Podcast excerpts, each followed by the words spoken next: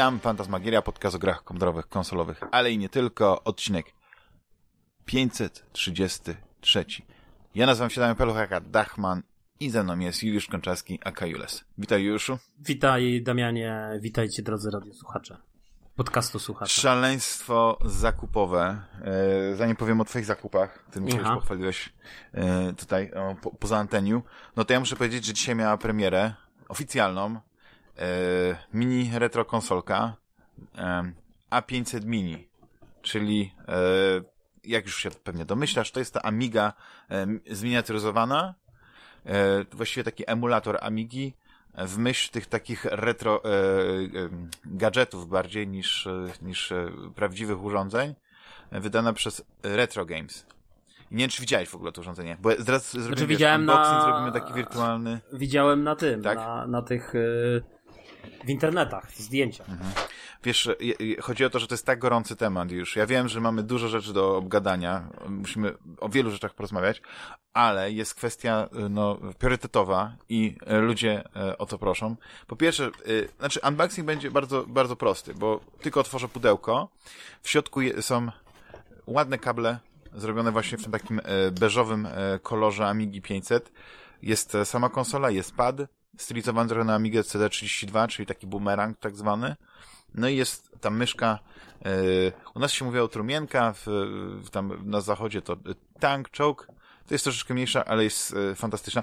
I, I, najpierw zacznę od kilku mm, pozytywów. Wykonanie jest bardzo dobre. Wiesz, ta Amiga, mimo że ona jest ale malutka, ona jest to, jest, wiesz, to jest taki gadżecik. Yy, no tak na oko ci powiem, drogi już, że ma tak chyba za 20 cm szerokości i może tak 16 wysokości. A, a, a, a do czego byś to przyrównał?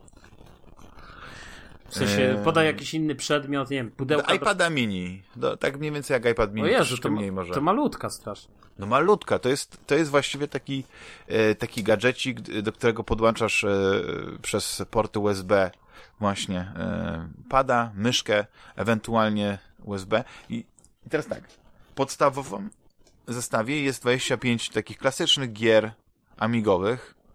I tam są na przykład takie tytuły jak Another World, są Wormsy, nie wiem, ty grałeś w ogóle? Miałeś Amigę? Ja, czy grałem na Amidze, bo koledzy mieli, natomiast ja nie miałem Amigi i jakby ja najpierw fascynowałem się Atari i Commodore 64 u kolegów, plus jeszcze jakieś tam. A później PC pewnie. Hybrydy, tak. I nie miałem sam swojego komputera i nie miałem też Amigi. Kolega miał Amigę, natomiast moim pierwszym komputerem to już był pod koniec podstawówki w zasadzie. Chociaż nie, nawet wcześniej, przepraszam, niż pod koniec podstawówki. Wcześniej, wcześniej. Mhm. E, to był PC, tak. Ale jakoś taka tak. końcówka podstawówki. No i wiesz, wybór jest arbitralny, bo niektórzy uważają, że, że brakuje wielu gier, inni uważają, że E, gry, które się znalazły w ogóle też nie powinny się znaleźć, bo, bo to nie są jakieś takie tytuły warte notowania, ale co by nie mówić, ten zestaw jakby odzwierciedla kwintesencję, e, jeśli chodzi o, o gry amigowe, tak? N e, wiesz, zakładając nawet, że właściwie Amiga nie miała dobrych gier 3D, takich typu Wolfenstein, ale też pojawia się Alien Breed, Alien Breed 3D, jako taki przedstawiciel gatunku, ale tak naprawdę i, i masz grę sportową, nie, masz, masz pinball, masz, masz platformówki, Masz sam symulator lotu nawet, tylko że to jest e, niestety gra, w którą trzeba grać raczej z, z podpiętą klawiaturą USB, bo ta wirtualna, która się pojawia, którą możesz jakby uaktywnić, tak ona ci się wysuwa z ekranu, kiedy naciskasz przycisk menu podczas gry, wiesz, to jest fajne. I to jest, wiesz, to jest, to jest bardzo fajnie zrobiony gadżet pod względem właśnie yy, takim wizualnym, że go możesz położyć na półeczkę, no ładnie wygląda. I sam interfejs, tak, nie, nie jest zły. Prosta e, obsługa, e, okładki, krótki opis i e, po prostu możesz sobie jakieś tam opcje wybrać, e, zmiany obrazu, tam format, wielkość ekranu, czy chcesz mieć lekko rozmyty, czy chcesz mieć ten taki, e, ten przeplot taki e, symulowany. No naprawdę te rzeczy są ok, tylko no, jest, jest pewnych e, parę rzeczy, bo o superlatywach to na pewno już nieraz e, będziecie w kontekście tej, tego urządzenia słuchać. Tak? No to droga jest Ale... jak, jak na takie małe urządzenie. No tak, no ona kosztuje 130 euro. Widzę, że rozumiem, 600 zł 600 w Polsce. Mhm. Tak, 600 zł. I to jest, to jest cena wysoka jak na, na, na tego typu urządzenia, ale z drugiej strony, yy, wiesz co, to i nie jest aż tak wygórowana, wiesz, że, że to, co dostajesz wiesz, no to, to, ten joystick, ten tego pada możesz wykorzystać, powiedzmy, e, w komputerze, no ta myszka, no ona nie ma oczywiście, bo to jest, to jest klasyczna myszka, ona nie ma rolki, ale, ale jest bardzo wygodna, jest leciutka, wiesz, ja sobie dzisiaj podłączyłem tak do komputera i się trochę pobawiłem, no nie, żeby tak sobie posterować, no, jest super, nie? Wiesz, ale to ona, ale ma, ma czujnik, tak? Po prostu normalny. Tak, ona, ona nie jest na kulkę, tak, już tak nie, nie, nie poszli aż tak daleko, chociaż szkoda, no nie? Powinna być na kulkę. I trzeba by tak. było te rolki czyścić potem. No, piękne czasy, nie? Tam się zbierało, tego taka czarna była i nagle ją myłeś, mydłem, szorowałeś, nagle się okazało, że ona ma taki, taki ładny szary kolor, taki, taki wręcz jasno szary. I wiesz, i yy, no to jest fajna rzecz, nie? Taki gadżet. I wiele osób, które znało Amiga, ale nie jest hardkorowymi gra, e, graczami albo, wiesz, z tamtych czasów, ani też nie są, jakby to powiedzieć, fanami retro, potem Amigę mówią, że sięgną. Ja mam takiego kolegę, który w pracy, który po prostu stwierdził, że on pamięta te, te, te za dzieciaka, jak się grało na Amidze i nawet by sobie coś takiego, nawet nie, nie żeby grać, tylko żeby mieć. To jest takie dziwne. I wiesz, te gry, które są, one, one są ok, ale jest już na pudełku zasygnalizowana opcja, zasygnalizowana opcja możliwości dodawania własnych e, kopii gier, nie? Dzięki WD, e, WHD Load. Nie? To jest taki, e, taki program, który kiedyś powstał jeszcze na, na Amigę e, z twardymi dyskami, który pozwalał, żeby szybciej, żeby się wczytywały gry i jednocześnie właściwie do pamięci e, RAM komputera i, i te uciążliwe zmienianie, podmienianie dyskietek zostało w ten sposób wyeliminowane, a gry się wczytywały no, błyskawicznie w porównaniu do tego, ile się czekało, kiedy się wachlowało tymi dyskietkami. I to jest fajne. I e, wiesz, ta instrukcja, która jest e, zawarta w pudełku, ona jest właściwie taką broszurkową. Ona, ona tylko wspomina o takich najważniejszych rzeczach, jakieś takie odniesienia. Mhm. Ale właśnie, to, to co ta, e, ta, e, to urządzenie kryje w sobie, to jest właśnie, to są te opcje, które, które dostajesz z Load. Ja mam, e, dostałem w swoim zestawie, właśnie wygląda na to, że to może jakiś taki gadżet promocyjny, taki y, ładny y, pendrive USB, memory stick w kształcie, znaczy, który wygląda jak dyskietka amigowa. Ale skąd ty go dostałeś? No właśnie był w pudełku razem z, z Bo tam tym, widziałem, że komentarze wiesz. niektórzy pisali, że nie dostali. Tak, bo to nie był w środku pudełka, tylko był w tej paczce od kuriera, tak? Więc rozumiem, że to mógł był jakiś gadżet. Ja Aha, dosyć wcześnie złożyłem preorder, tak. E, ktoś słyszałem, że też dostał e, koszulkę, no to jest e, ciekawe. No i właśnie teraz taka, znaczy nie chcę powiedzieć łyżka dziegciu, bo ona by popsuła całą zabawę. Ja jestem jeszcze na etapie odkrywania. Jeśli chodzi o WHD Load i te gry, one niestety nie, nie, nie, nie ma jeszcze takiej opcji, żeby na przykład tak ładnie sobie ustawić menu i e, żeby te gry tak ładnie się prezentowały, jak, e, jak e, prezentują się gry, które masz w zestawie. Tak? No to wchodzisz do takiego e, prostego interfejsu e, przeglądu plików i tam wybierasz e, właściwie ten, ten plik z, z, z, tą grą i, i tyle. Nie? Mhm. Jest jedna dobra rzecz, że możesz wtedy wchodzić i zmieniać zaawansowane ustawienia, takie tak zwane eksperckie. Tego nie da się zrobić, jeśli chodzi o te gry, które są w zestawie. I tu się pojawia pierwszy problem, jeśli chodzi o gry w zestawie. Na przykład Alien Breed chodzi płynniej niż e, chodził na, na, powiedzmy, na gołej 1200 Amidze, czy na Amidze CD32, ale chodzi dużo gorzej niż na przykład na, e, na emulacji e, na komputerze bo jest problem z taką płynnością, wiesz, że, że powiedzmy poruszasz się i są jakby takie zwolnienia, to są tak jakby y, rozciągnięcia z gumy, wiesz, że mhm.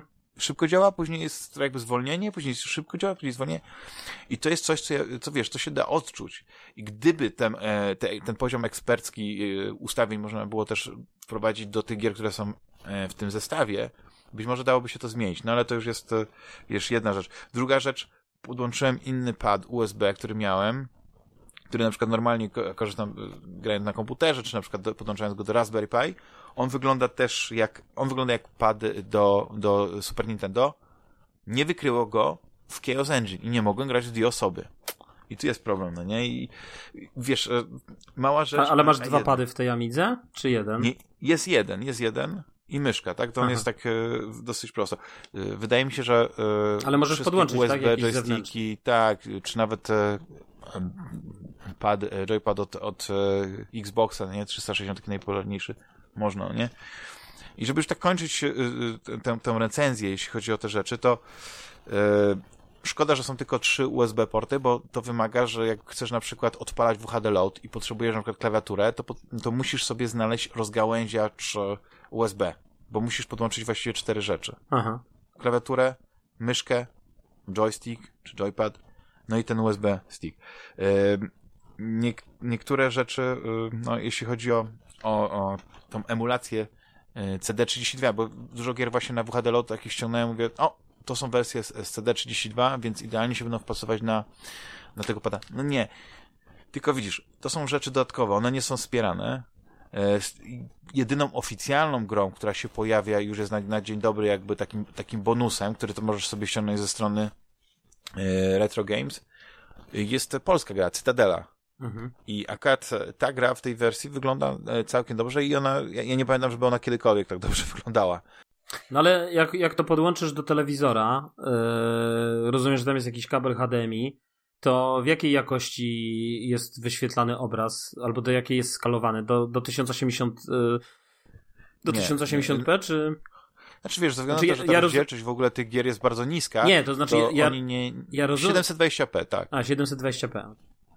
Tak, tak, czyli i możesz sobie wybrać, jeśli na przykład twój telewizor obsługuje 50 MHz, no to 50 MHz, bo e, gry, większość gier na Amigę była w PAL i, i, i e, taka jest opcja sugerowana. No ale też możesz w NTSC 60 MHz, wtedy gry troszeczkę szybciej działają, ale e, no nie wiem, to zależy od, od, od, od preferencji, nie? No, tak naprawdę to jest bardzo kosmetyczna rzecz, wyczuwalna, jeśli jesteś powiedzmy jakimś takim hardkorowym graczem, e, to prawda. Ale wiesz, ja od razu e, wrzuciłem sobie moje e, kilka hitów, nie? I, i, i część gier, nawet z, tego Memory Sticka 2 działa bardzo dobrze, no nie? Jeśli chodzi o Cannon Fodder, Rewelacja. Na myszce tej, nowej, tej, tej myszce się gra świetnie. Sensible Soccer.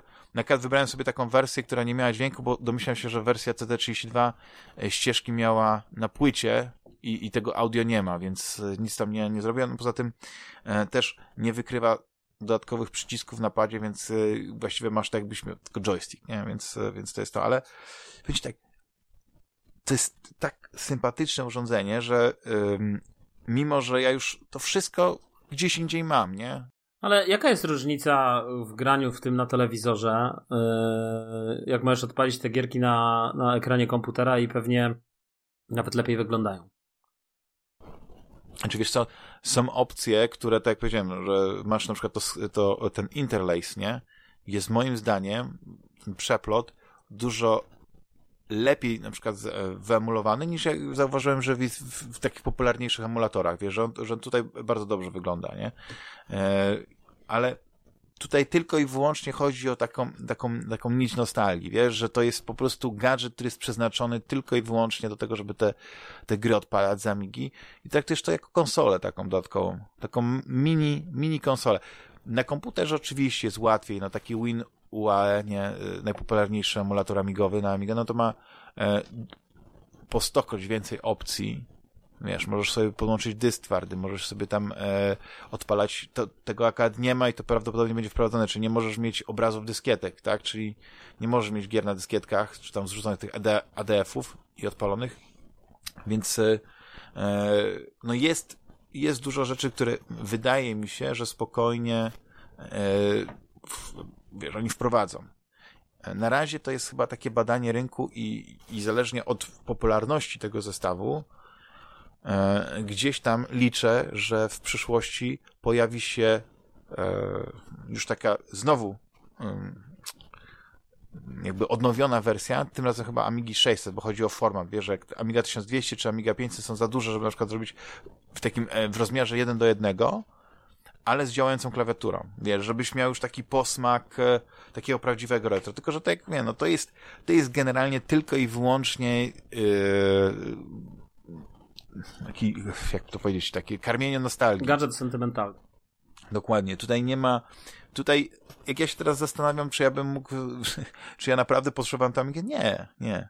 I, i, ale jest, jest coś sympatycznego i e, na pewno będę eksperymentował i, i yy, być może yy, znajdę dla niej takie stałe miejsce pod telewizorem. Żeby do niektórych gier wracać, ale Nie, nie, to nie. wszystko, wszystko zależy od tego, jak, jak wygodnie to Nie będzie wiesz, potraktowane. No. Jeśli chodzi o strategiczne gry, jakieś takie te, no to Będziesz wracał do tych gier dosłownie na 5 minut, odpalisz, zobaczysz, aha, działa, tak jak dzisiaj wszystko odpaliłeś, po czym wszystko zapakujesz do pudełka, zostawisz, za pół roku znowu wyjmiesz i znowu będziesz w podcaście mówił, że zajebista Amiga 500, nostalgia i tak dalej, po czym ta nostalgia w ogóle nie istnieje przez cały rok, nie? Znaczy, wiesz, prawda jest taka, Iluszu, że dużo z tych gier jest, yy, no, ciężko się gra. Jak na przykład dałbyś komuś, yy, kto jest przyzwyczajony do, do nowoczesnych gier, zagrać w kilka tych tytułów, to byś się łapał za głowę. Na przykład yy, jedna z moich ulubionych gier z tamtego okresu, mm, nie wiem, czy pamiętasz taki, taki tytuł, Stun Car Racer.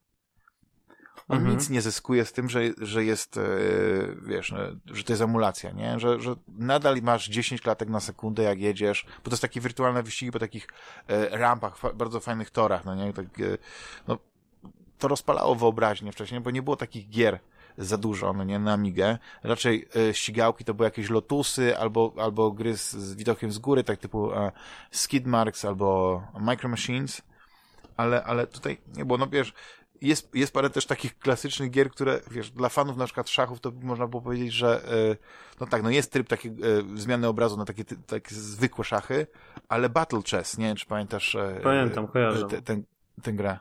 Kapitalne animacje, tam walki pionków z, z, z innymi figurami, no to jest, to jest tylko i wyłącznie, tak mówisz, no być Ale może no, wiesz, ale, raz, ale jak e, odpalisz raz, się, bo, no. bo wiesz, bo jak, ja pamiętam też te Battle Chess, tak, jakby nie wiem, czy grasz w szachy, grałeś w szachy, czy lubisz grać w szachy, no to po pięciu minutach, czy po, po 10 minutach już ci się tych animacji i tak nie chce oglądać, bo grasz w szachy, tak naprawdę, i liczy się gra, a nie No to, tak. że a to, że tam oglądasz, że teraz, nie wiem, konik y, wykonuje szarżę na pionka, czy coś takiego, no to, to taki, wiesz, to raczej taki, myślę, element, który Mhm. być może spowodowałby, że ludzie, którzy Tak. nie znają szachów, nie, nie znają, to po prostu je odpalą. Yy, No ale w którymś Mhm. momencie, jak zaczynasz grać w szachy, no to i tak musisz zacząć grać w szachy, a nie oglądać animacje. No, dla mnie to takie. No nie, no to jest y, tylko i wyłącznie, ja pamiętam ten element humorystyczny z tamtych czasów. Y, Jak masz chociaż kilka tytułów na tej liście takich grywalnych, to to czasami nawet wystarcza, wiesz, jest świetny arcade pool, który w ogóle się nie zestarzał. On y, ma bardzo prosty interfejs, bo y, wiesz, widok jest z góry na cały stół, jest całkiem niezła fizyka, więc ta gra jest świetna, nie?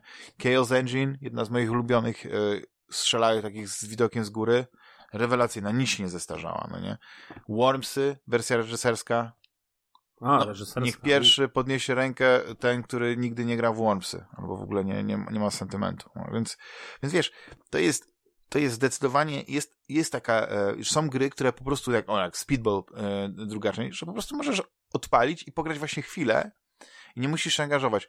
No bo oczywiście jakbyś chciał wejść w ten świat, to masz, znaczy jakby w jakąś większą, e, dłuższą grę, to, to, to masz jakiś, e, masz przygodówkę, e, Simon the Sorcerer, jest kadawer, taki trochę RPG izometryczny, no więc nie wiem, no dla kogoś, kto naprawdę myśli o tym, żeby, żeby wrócić do tamtych czasów i poczuć się jak, nie wiem, jak, jak dzieciak, to tak, może to zrobić. No, ale to jest, mówię, no, no to, te gadżety się sprzedają. Jestem bardzo ciekawy, ile się takich rzeczy sprzedaje, no ale y, y, żeby to było, powiedzmy, w miarę opłacalne, bo tak mówię, to nie jest, to nie jest coś, co można powiedzieć, że zostało tandetnie wykonane, że to nie, że ta Amiga, ona się tak ślicznie prezentuje. Mówię ci, już trzymasz w rączkach to maleństwo. No tak, ale wiesz, ale, I ta klawiaturka jest taka dokładna, przez, aż, aż chcesz ją tak, e, aż chciałbyś coś napisać na ale nie możesz, bo guziki się nie wciskają. No wciskają? właśnie, no właśnie. Chociaż założę się, że, e, że powstanie jakiś taki e, ktoś na YouTubie w końcu się weźmie i zrobi e, prawdziwą klawiaturę do tego urządzenia. No oczywiście to będzie gadżet, który będzie kosztował pewnie ze trzy No razy. tak, tylko wiesz, ile- Je- Jeszcze, jeszcze wracając na chwilę do tego, o czym mówiłeś, do, te, do tych gier, do tego, żeby je tam odpalać i tak dalej. Trochę nawiązując do tego, o czym rozmawialiśmy na ostatnim podcaście, yy, że jakby mamy coraz mniej czasu, że trzeba ten, ten czas jakoś przesiewać, jakoś starać się jednak mimo wszystko yy, wybierać pewne rzeczy. No to wiesz, no to, no nie wiem, no. Dla mnie to jest po prostu strata czasu. Nie no, ja się Dla mnie zgadzam to jest totalna strata. Ja Wiesz, zgadzam. ja pewno przepraszam, nie Damian, wiesz- przechodził... Ja przepraszam, bo ty pewnie wiesz, yy, wiesz, ty, ty, ty, że tak powiem, tak sentymentalnie do tego podchodzisz i tak dalej. Ja też pewnie może bym podszedł do tego sentymentalnie na zasadzie, ale dosłownie, na, na chwilę. Yy, I potem już więcej bym tego może odpalił raz na pół roku, raz na rok, raz na 10 lat. Nie wiem, znajomi przyszli, żeby pokazać, że o, zobaczcie taki Mhm. gadżecik. Natomiast tak w ogólnym rozrachunku, to szczerze powiedziawszy, w, zwłaszcza w dzisiejszym świecie, gdzie jest naprawdę dużo, dużo, dużo, dużo tych gier różnych, no to szkoda Mhm. czasu, moim zdaniem. Szkoda czasu, na, tak. nawet mówisz ten arcade pool, nie? No, ale wydaje mi się, że znajdziesz spokojnie dużo więcej, dużo lepszych bilardów z dużo lepszą fizyką, wydanych bliżej współczesności, tak? Czy nawet na komórki, te, które czasem są dostępne, więc wiesz. No nie no, ostatnio nawet jak, jak rozmawiałem z Ryszardem a propos tego, jakie tytuły chciałbym na przykład zobaczyć w nowej wersji. Tylko widzisz, nawet jakby one były graficznie do, dopakowane, to już to jest nie to samo, wiesz, bo już te mechaniki są niewystarczające. Teraz mamy tak rozbudowane gry, tak złożone, że Ale nie, e, nie no, nie wszystkie. tylko i wyłącznie... Wiesz, nie wszystkie. Myślę, że jest miejsce dla gier e, prostych, co nawet Mhm. pokazał właśnie Sifu, dla gier prostych, z prostymi mechanikami, ale po prostu miodnych. Poza tym, wiesz, no, Microsoft kupił Activision, e, mają prawa do Interstate'a, mają prawa do Hexena, więc kto wie? Nie wiem, ale a propos y, zakupów Activision, bo chyba coś tam... Y, ale wiesz co, nie widziałem nic, tylko mi się wydaje, że wspominałeś o Starfieldzie, tak? Tak, Że tak. gdzieś się coś- e, nie no, coś tam jakieś kolejne screeny tam, nie no, jakieś kolejne screeny tam wypuszczają, a ja bardziej mówiłem, e, wiesz, tak jak żeśmy rozmawiali, to bardziej e, jakby piję do tego, że roz, też rozmawialiśmy o tym na podcaście i tak trochę sobie zażartowałeś, czy ten Starfield w ogóle wyjdzie w tym roku, a tak jakby zaraz po tym naszym podcaście jakieś takie szmery się zaczęły pojawiać na tych różnych Twitterach, na tych różnych, wiesz, w tych serwisach newsowych, właśnie odnośnie Starfielda, że tam, a to jakiś tam screen nowy został opublikowany, teraz jakieś rendery tam cztery, e, e, że tak powiem, ujawnili, co, co by wskazywało na, wskazywało na to, że no skoro zaczynają jakiś już szum, wie, wiem, że to jest na razie taki ten, to być może on wyjdzie w tym listopadzie. No tak, ale w ogóle jedna rzecz ciekawa się wydarzyła. No. Albo się nie wydarzyła. Odwołano i3. E3, przepraszam, Mhm. i3. Tak. To jak się mówi, zawsze ja mówię, I free. jak ktoś mówi e, cyberpunk, e, cyberpunk, no to jest jedno, cyberpunk to jest drugie, ale jeszcze, e, e, jak to było? Cyber, cyberpunk. Cyberpunk. Cyberpunk, no, też Cyberpunk. tak słyszałem. Ale właśnie e, E3 zostało, nie wiem, odwołane. Y, Z jednej strony ktoś mówi, że, to, wiesz, oficjalna plotka jest prawdopodobnie, że COVID. Z drugiej strony wydaje mi się, że chyba za, e, wiesz, większość wystawców przesta przestało się interesować e, targami, bo doszli do wniosku, że za dużo mniejsze pieniądze są w stanie wywołać dużo więcej e, tego po pozytywnego szumu.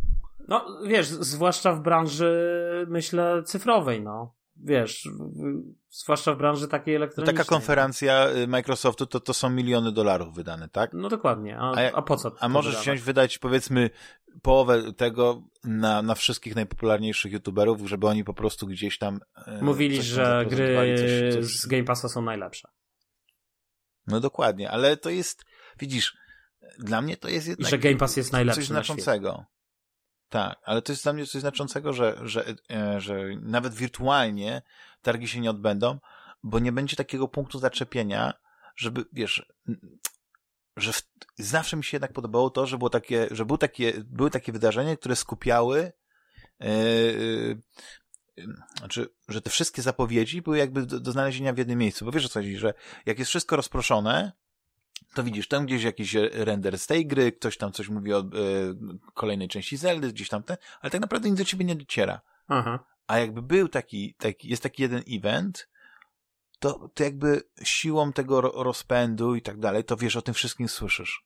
Jest jakaś konferencja, tam się coś pojawia. Później jak, jakaś, jakieś mniejsze zapowiedzi i tak dalej, ale wszystko jest w tym samym momencie, więc jakby e, jesteś nastawiony, że w tym okresie po prostu dowiadujesz się o nowych tytułach i być może jakieś gry cię zainteresują, że sobie je tam wpiszesz do tego, Ale wiesz co? się zainteresować. Wydaje mi się, że taką lepszą, ciekawszą formą y, jest właśnie robienie takich wirtualnych, wiesz, y, pokazów, y, czy takich jak robił Microsoft y, w zeszłym roku, tak? Tych wszystkich takich, wiesz, wirtualnych konferencji, na których tam pokazywał po kolei te wszystkie gry, które mają się tam ukazać, czy wejść do Game Passa, czy to, co robi Sony z tym State of Play, bo wydaje mi się, że to jakby też, też wiesz, że masz taką pigułę od tego swojego yy, wydawcy, który działa na tej twojej platformie, tak, czy od właściciela twojej platformy. Yy, I też jakby wtedy dużo gier trafia na radar, tak, że tak powiem.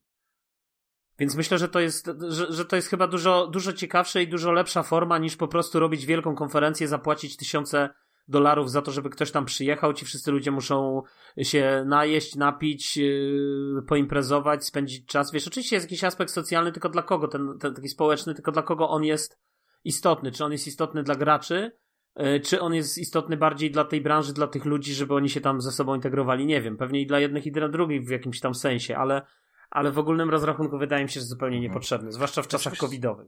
Tak, ale świat, świat nie znosi próżni, więc yy, wydaje mi się, że będzie musiało się coś pojawić takiego, co w pewnym momencie, jeśli na przykład to by było tak, że za rok też yy, E3 nie będzie, że, że, że ktoś tę, tę lukę zapewni, bo jest dużo imprez, które są nastawione bardziej na, na graczy, żeby oni się cieszyli yy, właśnie, żeby nie dziennikarze, tylko oni się cieszyli z poznawania jakichś zapowiedzi nowych tytułów, ten Gamescom, e, prawdopodobnie e, bardziej na rynek japoński nastawione Tokyo Game Show, no i, no i na przykład PAX taki jest taką dużą imprezą, ale to jest taka impreza dla graczy. Tam się praktycznie nic nie zapowiada, e, tam, tam po prostu e, ludzie się integrują, bawią, no wiesz, taki konwent bardziej.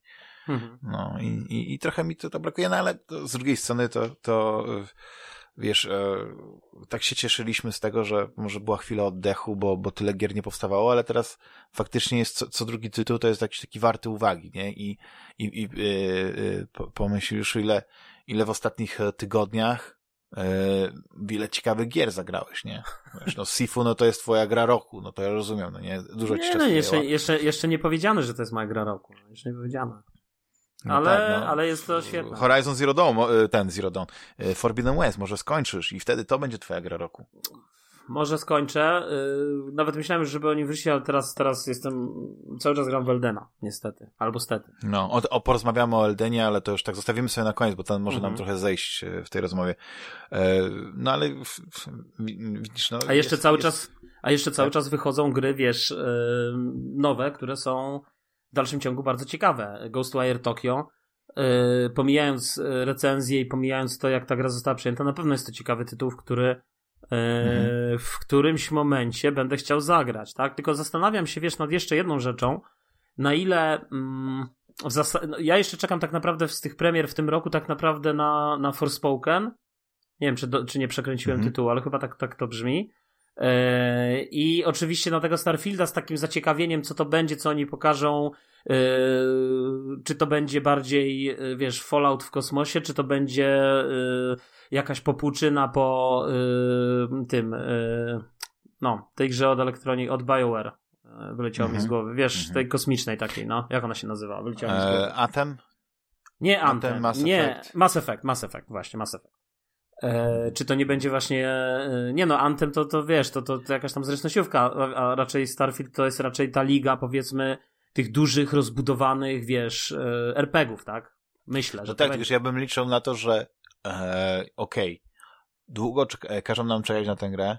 Być może planety nie będą tak duże jak powiedzmy cały obszar w Skyrimie, ale nie wyobrażam sobie, żeby oni e, zrobili grę bardziej w stylu Mass Effecta, a nie właśnie w stylu Skyrima, wiesz, że, yy, no, że muszą być te podróże kosmiczne, więc nie może być tylko jedna planeta, tylko jest pytanie, jak, jak to będzie, czy na przykład zastosujemy jakieś algorytmy, wiesz, generowania e, losowego tych planet, czy, by, czy będzie troszeczkę jak w, w, w e, Elite Dangerous, nie, że te, że te planety, na których może wylądować, no są raczej takie, wiesz, no, one są ogromne, bo, bo, bo gra jest dosyć realistyczna, ale te, te, te bazy, te, te, te, te miejsca, które może odwiedzić, to one są tak, takie małe, to, takie kolonie. Tam nie, przynajmniej nie pamiętam, że były jakieś duże miasta, wiesz, właśnie to jest to, Nie, nie, oczywiście Mass e, Effect... Elite Dangerous nie pozwala lądować na dużych, w dużych, na dużych planetach, na przykład nie możesz lądować na Ziemi, więc może jakoś to w ten sposób obejdą. Ale masz też Star Citizena i tam te planety są dużo dokładnie zrobione i tam tam jest coś więcej, nie? Jeśli chodzi o to, jak, jak to jest zaprojektowane, tylko że Star Citizen to nadal jest taka piaskownica, gra dla, dla tych early adopterów, którzy dostają po kawałku jakieś elementy, które działają, ale my czekamy powiedzmy na, na tego składrona, e, Squadron 42 chyba tak ma się nazywać, ta, ta dla pojedynczego gracza gra i, i jeśli ona się w ogóle pojawi za jakieś 5-10 lat, to będzie sukces. To będzie sukces, no. A Starfield jest dla mnie ogromną nie, niewiadomą. Nic, nic no, ogromna, nie, ogromna. nie jestem w stanie sobie wyobrazić. E, to znaczy, wiesz, ja, jestem, ja jestem w stanie sobie wyobrazić yy, to, co yy, rozmowy, jakie tam development przeprowadza z Todem, Howardem, yy, wiesz, na temat tego, jak tą grę mają wydać, nie? I oni, wiesz, Todd, słuchaj, co robimy, tak? Mają taki dylemat tam pewnie w tym Starfieldzie. Idziemy w stronę tych algorytmów, o których mówił Dachman z Fantasmagierii, i wiesz, i po prostu robimy proste planety, algorytmy i tak dalej, czy robimy po prostu rzeczywiście yy, wielki, wielki obszar, nie? I, i, I detalicznie odtwarzamy te planety, czy może robimy jeszcze jakiś wariant, nie? No i przychodzi Phil Spencer i Phil Spencer mówi Todd, zanim odpowiesz, pamiętaj o tym, że ta gra będzie day one w Game Passie. I że ma być w tym roku. I że ma być w tym roku innego. w listopadzie. I Todd, tak. a Todd wtedy mówi Phil, dlatego dostajesz nagrodę za całokształt twórczości. You got it. You got you it, got man. You are the best. Dobrze.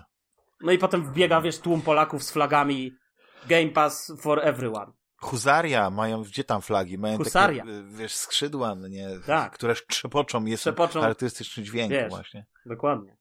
No i tak to będzie wyglądać. No, rozmarzyłem się teraz. Nie no, ja tak czekam z niecierpliwością. Właśnie... Tak to mogło wyglądać. Wie. No, Phil Collins na pewno jest gdzieś e, w, w, tam w, w, a potem, w tą generację a potem, emigrantów. A potem Phil Spencer mówi jeszcze pamiętaj, to musi wyjść, ale Phil, nie damy, nie, nie, nie this is a challenge. Nie, nie mówi, że nie damy rady, tylko to będzie challenge, żebyśmy to wydali w listopadzie. A wtedy filmu mówi Todd, pamiętaj czego, pamiętaj czego dokonaliśmy na Xboxie w zeszłym roku. Pamiętasz czego dokonaliśmy? Czego? Wypuściliśmy Halo. Widziałeś? Jest tam koop? Nie ma. A kiedy będzie? W tym roku. Dlatego pamiętaj, że te planety mogą być w przyszłym roku. Ty, A w tym roku będzie tylko jedna planeta. Ale wszyscy zapomnieli o Halo Infinite, bo nie ma no. tego tego. Ja już teraz nie mam teraz jak nawet wrócić do tej gry. Ale widzisz, twoja ulubiona gra, gra, na którą czekałeś, o której w... Halo? wspominałeś za każdym razem, jak tylko się pojawia jakaś wzmianka. Tak, że kochałeś e, po prostu czytać e, najmniejsze zmianki e, o tej grze z Korei, czyli Crossfire X. A nie, to łycha, to tak, ale to... A właśnie, bo się okazało, ale nie wiem co chcesz powiedzieć. Ciekaw jestem, czy chcesz powiedzieć yy, o Remedy i o Maxie Payne? Nie. Znaczy o Remedy i Maxie Payne możemy powiedzieć, ja tylko chciałem no, powiedzieć, dobra, że odpaliłem te, tego A, Crossfire odpaliłeś. X. A. I poczułem się jak za starych, dobrych czasów. Jakbym dopiero co kupił 360 i zachłysnął się po prostu tą grafiką. bo takiego powrotu do przeszłości to mi nawet ta Amiga nie dała, ta A500 z konsolka mini. Po prostu mega, mega retro. I później odpaliłem, bo tam chyba jedno, kampanię, one, bo w końcu się dowiedziałem, jak można ją ściągnąć. Tak, powiem ci, że nie wiem, co jest łatwiejsze, czy liczenie całek na matematyce, czy właśnie y, sinusy, kosinusy, czy, czy instalowanie kampanii dla pojedynczego gracza w Crossfire X. I Stary, to jest gra. Akurat, y, jestem pr prawdopodobnie członkiem Męcy, tylko o tym nie wiem. Udało mi się to zrobić. Niestety e, pograłem z dobre 10 minut, 15. No, ja też. I mówię, na co Yu już widzi w tej grze? Czy to jest Rainbow Six Extraction? Czy to coś więcej? No i się okazało, że, że ja tego nie dostrzegłem. I, i, I ty na pewno przyszedłeś tą kampanię i tam grasz w multi i w ogóle jesteś mega zajarany tym Crossfire Xem, ale nie, bardziej, ja niestety bardziej łycha. On jest się. bardziej łycha. On jest fanem Crossfire'a, on czekał na tą premierę, to był w ogóle, wiesz, jak ja sprzedawałem Xboxa, to on mówił, ale Julek, co ty robisz? Crossfire X, przecież, przecież to będzie hit. Przecież, przecież to ja jest day one że ludzie dla Crossfire X kupują właśnie Series X. Series S nawet. Dwa kupują X i S. No bo, bo mylnie bo są przekonani, że jak podłączą kabelkiem USB obie konsole, to, to mają jeszcze większą moc przerobową. Tak, tak. Na, na, e, Rain, na Series X jest rozdzielczość, na Series X jest ray tracing, tylko trzeba mieć dwie konsole podłączone Dokładnie. kablem USB-C. Nie, no powiem ci, że, że no śmiech na sali, ale nie wiem, czy może, My tutaj się śmiejemy, heheszkujemy z Microsoftu, wiesz, Phil Spencer obgryza paznokcie, e, słuchając nas, a tak naprawdę co? Kupuje nowe studia. Kołbysz? Nie, Nie mamy gier. Phil przychodzi do niego tam z Microsoftu, ten, nie wiem, nie wiem kto tam jest tym szefem i mówi Phil. I Phil po prostu stary mówi kupujemy gry, kupujemy, kupujemy y, studia. I fani Xboxa się cieszą. Mówiliście, że nie będzie gier na Xboxie? Proszę, kupił wszystkie studia. Kupił wszystkie widzisz, studia, wszystkie ty studia się są śmiejesz nasze. z tego, a ja zawsze powtarzałem, że to jest, że taka firma jak Microsoft powinna właśnie budować studia i wydawać niesamowicie duże pieniądze, żeby, żeby te gry szły, e, wiesz, e, jakby to powiedzieć, żeby były tak dobre, jak te gry, które właśnie, te ekskluzywy, które Sony wydaje. Bo Znaczy, wiesz, bo też wiesz- chodzi o prestiż, bo wiesz, to, Nie, to jest jak, znaczy, jak ze studiem mówmy- filmowym. No, wiesz, studio filmowe może wydawać krapy, taki Marvel może wydać krapy, ale raz na jakiś czas, prawda, powinno być jakiś taki ambitny film, żeby ci krytycy nie zapomnieli, że w tym studiu jeszcze pracują jacyś artyści, którzy nie są tylko wyrobnikami, rzemieślnikami, tylko, tylko robią film, który mógłby dostać jakąś statuetkę, no nie wiem, jakiegoś złotego liścia w palm. Z, z palm. Z Cannes. Złotego liścia palm. Nie wiem, się, liść mi się skojarzy z Willem Smithem i Oscarami. Ale yy, chodzi mi o to, że po prostu okazało się, że pieniądze to nie wszystko. Bo w momencie, w którym Bethesda została kupiona przez, yy, przez Microsoft, oni przestali wydawać gry. No nie no, bo oni teraz robią przecież tego, to Bethesda robi chyba przecież No tego. tak, no ale oni wydali Anniversary Edition Skyrima. Oj, oni wydali chyba już ze trzy Anniversary Edition stary. Tak, ale- Od- od No tak, ale chodzi o to, że on się praktycznie niczym nie różni od, od tego, wiesz, Na to, pewno się. Anniversary Edition, przez cały szacunek, bo Skyrim jest w ogóle świetną grą. Jak ktoś nigdy nie grał w Skyrima, to powinien zagrać i prawdopodobnie wersja Anniversary albo Special Edition to jest ta, w którą się powinno, po którą się powinno sięgnąć, tak? No, mimo, że ta gra już ma tam swoje lata, ponad 10 chyba, 11, to wiesz, to jest nadal piękna gra, ona nadal ma swoje niesamowite momenty i jako RPG jest jedno z najbardziej rozbudowanych gier. Kropka. Ale Anniversary, to jest taka nakładka, to jest jakiś dodatkowy interfejs do modów, który dodaje to, co inni ludzie robią, więc to jest coś, co powiedzmy kilku gości takich bardziej ogarniętych w Bethesdzie mogłoby zrobić, a nie studio kupione za miliardy dolarów.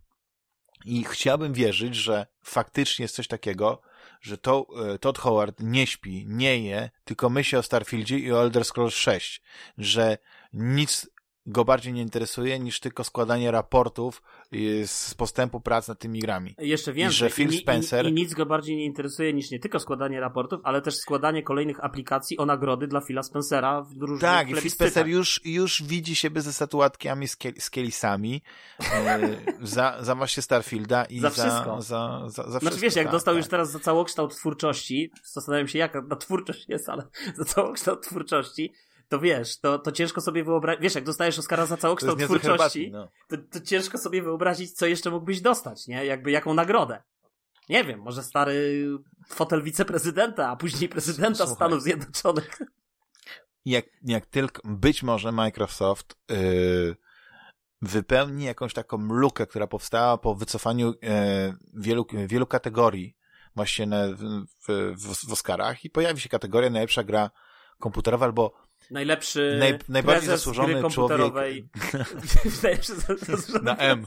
Najlepszy prezes Microsoftu. Xboxa od, od kilku lat. No nie, tam będzie kilku nominowanych, no oczywiście wygra Phil Spencer. Nie no, ale żarty na bok, żart na bok już. Ale poczekaj, żarty na bok, bo mówiłeś jeszcze o Prawda przej- jest taka, Ale mówiłeś o przejęciach Tak. studiów, a jeszcze przecież y, jakoś tak niedawno zupełnie, pod koniec marca, tylko ja przestałem to śledzić, więc nie wiem, ale pojawiła się taka informacja, że Sony prawdopodobnie przejmie bardzo ciekawe studia. Square. Square Enix, Sega, Capcom, chyba. y, który pamiętam wszyscy mówili Capcom, Capcom będzie przejęty przez Microsoft, oni to zaraz ogłoszą i zaraz w ogóle tutaj i, i ja wygram w totka jak ogłoszą, nie? Ale jakby ten i nasze ulubione studio od jakiegoś czasu, czyli From Software. Wydawca. Tak, tylko że mi się to zawsze źle kojarzy, wiesz, takimi przyjęciami, bo y, ludzie mają krótką pamięć. Nie, wiem, czy, Mhm. nie, nie, nie wiem, czy komuś się wydaje, że jak na przykład Sony kupuje Capcom, to Capcom nagle wyda, nie wiem, te ich takie stare tytuły, które oni tak bardzo kochają. Czy, czy, nie, no to wiesz, wszystko pieniądze, tylko wiesz, ja się, to znaczy, ja się z tobą zgadzam. Gdyby ich przejął Microsoft, to byłaby inna rozmowa, no ale że to przejmie Sony, no to. Tak, to by mieli 3-4 lata, nic nie muszą robić, składają tylko raporty, że pracujemy nad czymś. Tak, tak, proszę, tam. to są takie raporty papierowe, drukowane, wiesz, no. O, przychodzi Todd Howard, mówi, mam tutaj prezentację na papierze, mam jeszcze PowerPointa, postęp prac, bardzo tak. dobry. Tak. Bardzo dobre. A jak ale tu mi się ale pozycja nie chciałbym podoba. zobaczyć, jak wygląda, y, wygląda grafika. Chciałbym zobaczyć, jak gra wygląda w akcji. Już, już jakiś vertical slice, czy można zobaczyć. Yy, yy, projekt jest tajny, boimy się o wycieki, ale wyślę panu trzy rendery. Cztery góra. Tak, tak, bardzo dobrze. Dobra, wiesz, a on wtedy mówi...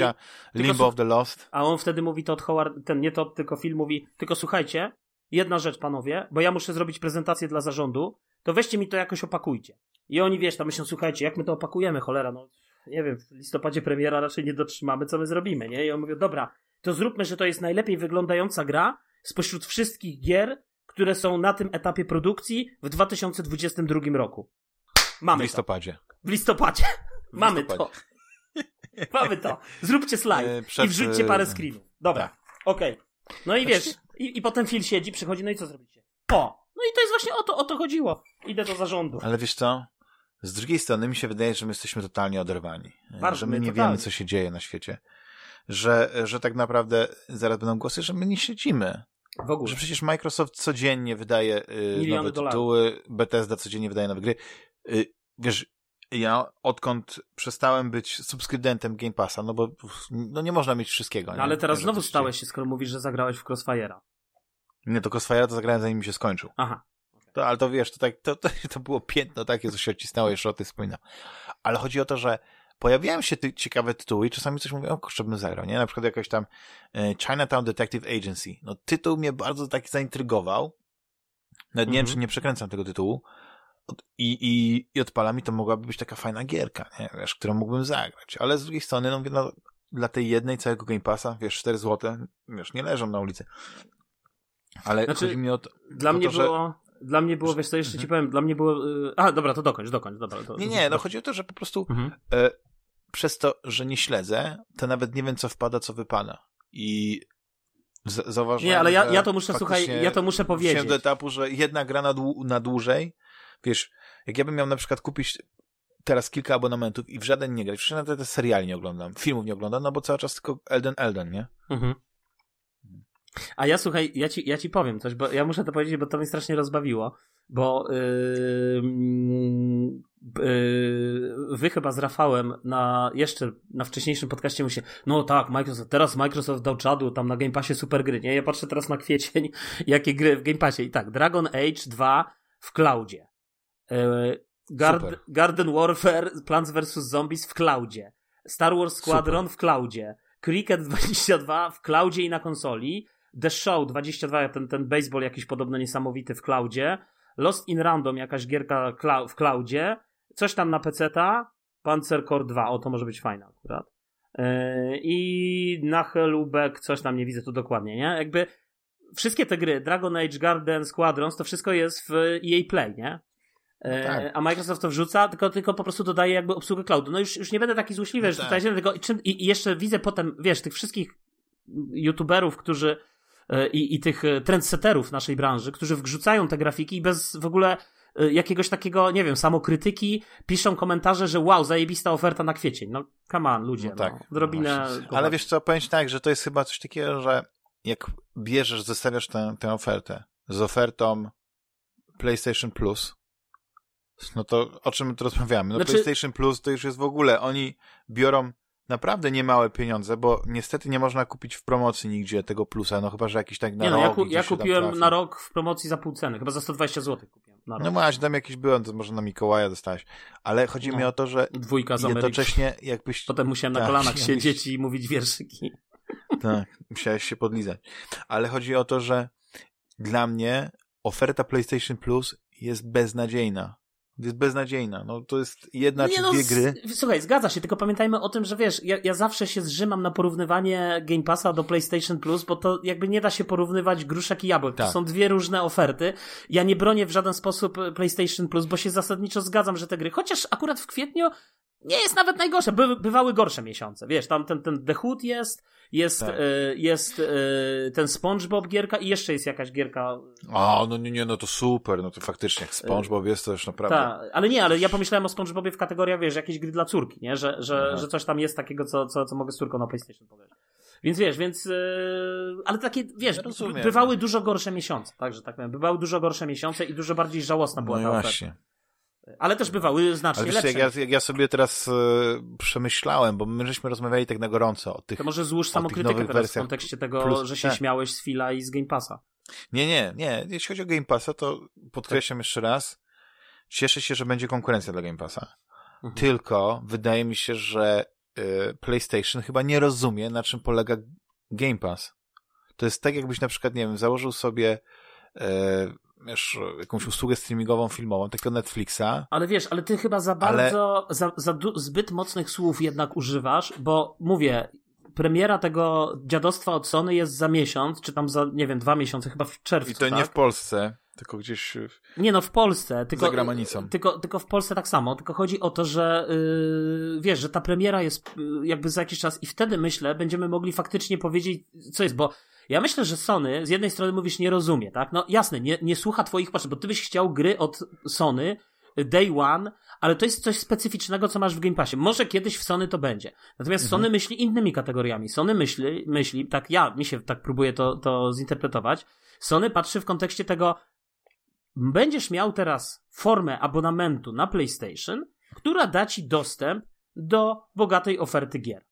I tyle. I myślę, że to jest najważniejsze, bo to jest jakby ta kluczowa, bo Game Pass, jeszcze raz powtórzę, jeżeli jesteś gamerem, jeżeli interesuje cię granie w nowe gry, no to przepraszam, Elden Ring nie ukazał się w Game Passie. Yy,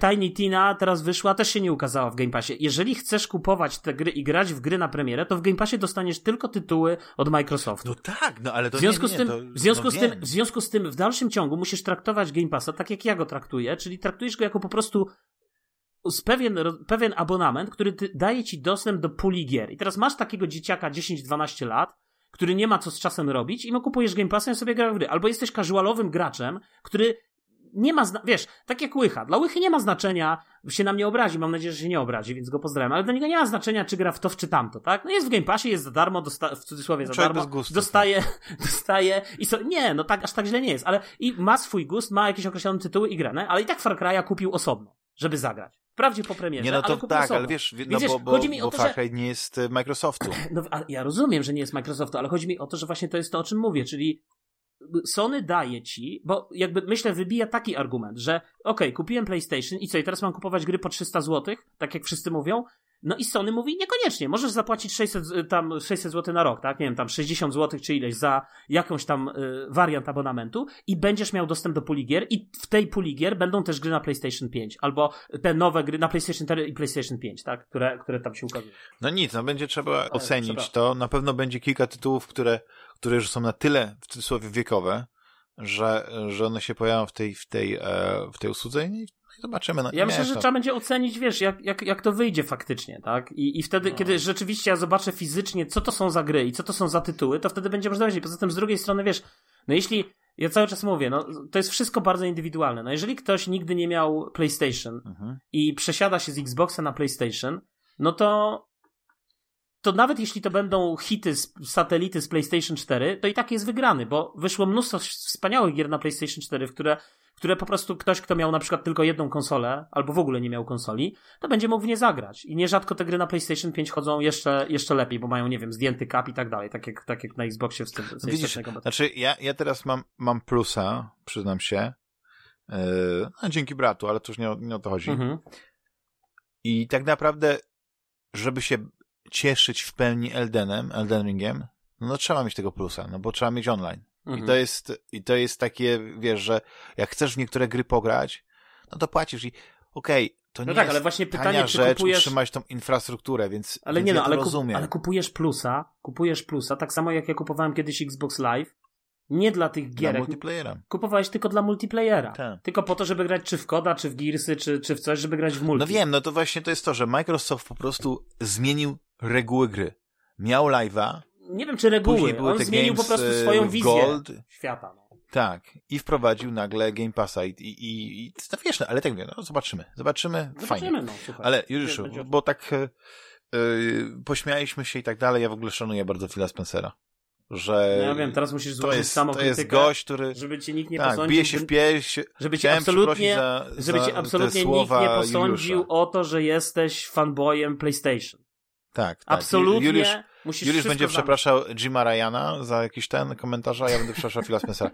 Ale chodzi mi o to, że no Phil Spencer jest graczem Jest Bogiem. z krwi i kości. I te, ty się śmiejesz z tych nagród, naprawdę, drwisz z nich trochę już, a prawda jest taka, że on Absolutnie, ja to mówiłem przywrócił wiarę graczy w markę Xbox. Że nie ma TV, TV, Na TV. pewno. Aczkolwiek, tylko aczkolwiek, jest. aczkolwiek, jedną rzecz powiem. Yy, z jednej strony przywrócił Ale wiarę... się zastanów. No właśnie się zastanawiam. Z jednej strony przywrócił tą wiarę, jak najbardziej, ale pamiętajmy o tym, że Microsoft to jest ogromna, wielka, niesamowicie, Zła. niewyobrażalnie bogata. Nawet ja już nie mówię, że zła, ale to już sobie każdy może dopowiedzieć, bo świat korporacji jest nam dobrze znany. Tak.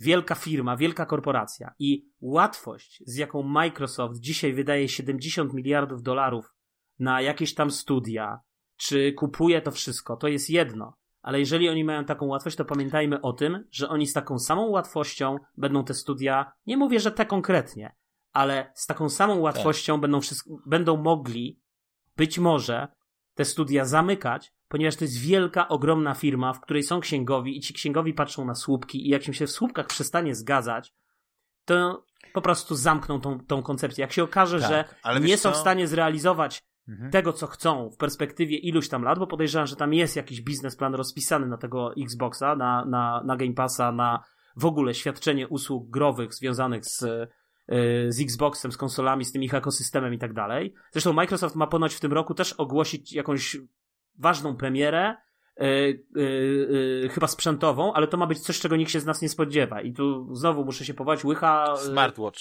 Łycha prawdopodobnie przewiduje, że to może być jakaś przystawka, wiesz, do telewizora, e, która de facto pozwoli ci na podłączenie pod Bluetooth pada i ewentualnie granie w Game Passa, wiesz, z dowolnego telewizora, albo wręcz, wiesz, zaimplementowanie jakiejś A aplikacji. może Microsoft TV set. Na przykład. No.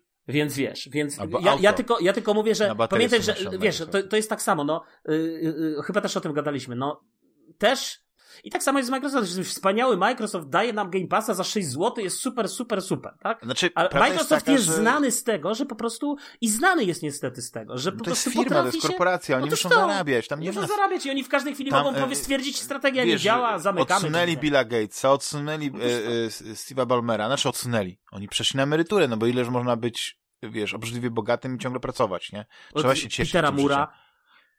Tak. I teraz jakby zupełnie inni ludzie e, kierują Microsoftem i, i, zmie, i zmienił się troszeczkę wizerunek Microsoftu. Nie wiem, po prostu ludzie... ludzie Nie, to na e, pewno, to ja, od- się, ja się zgadzam. To, to masz, masz bardzo dużo racji mówiąc o tym, że przywrócił wiarę, bo jak się czyta nawet komentarze pod naszymi podcastami, gdzie ludzie po prostu chwalą tego Game Passa, chwalą to wszystko, to naprawdę y, y, się ogromna zmiana. Tak, jakby ogromna zmiana, wiesz, poprzednia Tak. generacja całkowita porażka Microsoftu, totalna porażka na każdym z frontów, tak? Tak. A, a teraz jakby wszyscy mu, zaczynają wierzyć w to. Jeszcze będzie pięknie, jeszcze będzie stary Budapeszt, jeszcze będzie Budapeszt stary w Kalifornii, no. Jeszcze po prostu damy radę z tym Microsoftem. No, wiesz, e, ja, chcia, ja chciałem tylko powiedzieć, e, być może zdradzam sekret, ale Juliusz sprzedał Series S-a. Nie, nie sprzedałem. Dlaczego? Myślałeś, że sprzedałem. Długo nie wytrzymałeś. Nie, nie sprzedałem Series S-a. Po prostu anulowałem subskrypcję na Game Passa. Tylko tyle. I okazuje się, że nie masz w co grać na tym Series S-ie. No ale to już jest inna Mm. historia. Nie, bo wiesz co, strasznie się pastwimy nad tym Microsoftem. No to co? A my jesteśmy, my jesteśmy, wiesz, musimy się w takim razie popastwić nad Nintendo. Nintendo B, nie ma fajnych gier. Nintendo to tam, Wild ale 2, Nintendo wszyscy, wiesz, ale, ale Nintendo wszyscy lubią, Nintendo jest takie miłe, fajne, jest y, nieszkodliwe. Możemy się popastwić nad Sony. Nie, Sony jest super. A nie, przepraszam, bo wyjdzie, że jesteś fanboyem. Yy, to nie, to nie będziemy się pastwić nad nikim. Nie, Nad no możemy mówić, Nad możemy się firmą. pastwić nad tym, tylko wiesz, Nie, ciężko się pastwić nad co? firmą, która jest tak zajebista. Tak. No, no tak, dokładnie. Kaczynka. Wiadomo, kto ci płaci.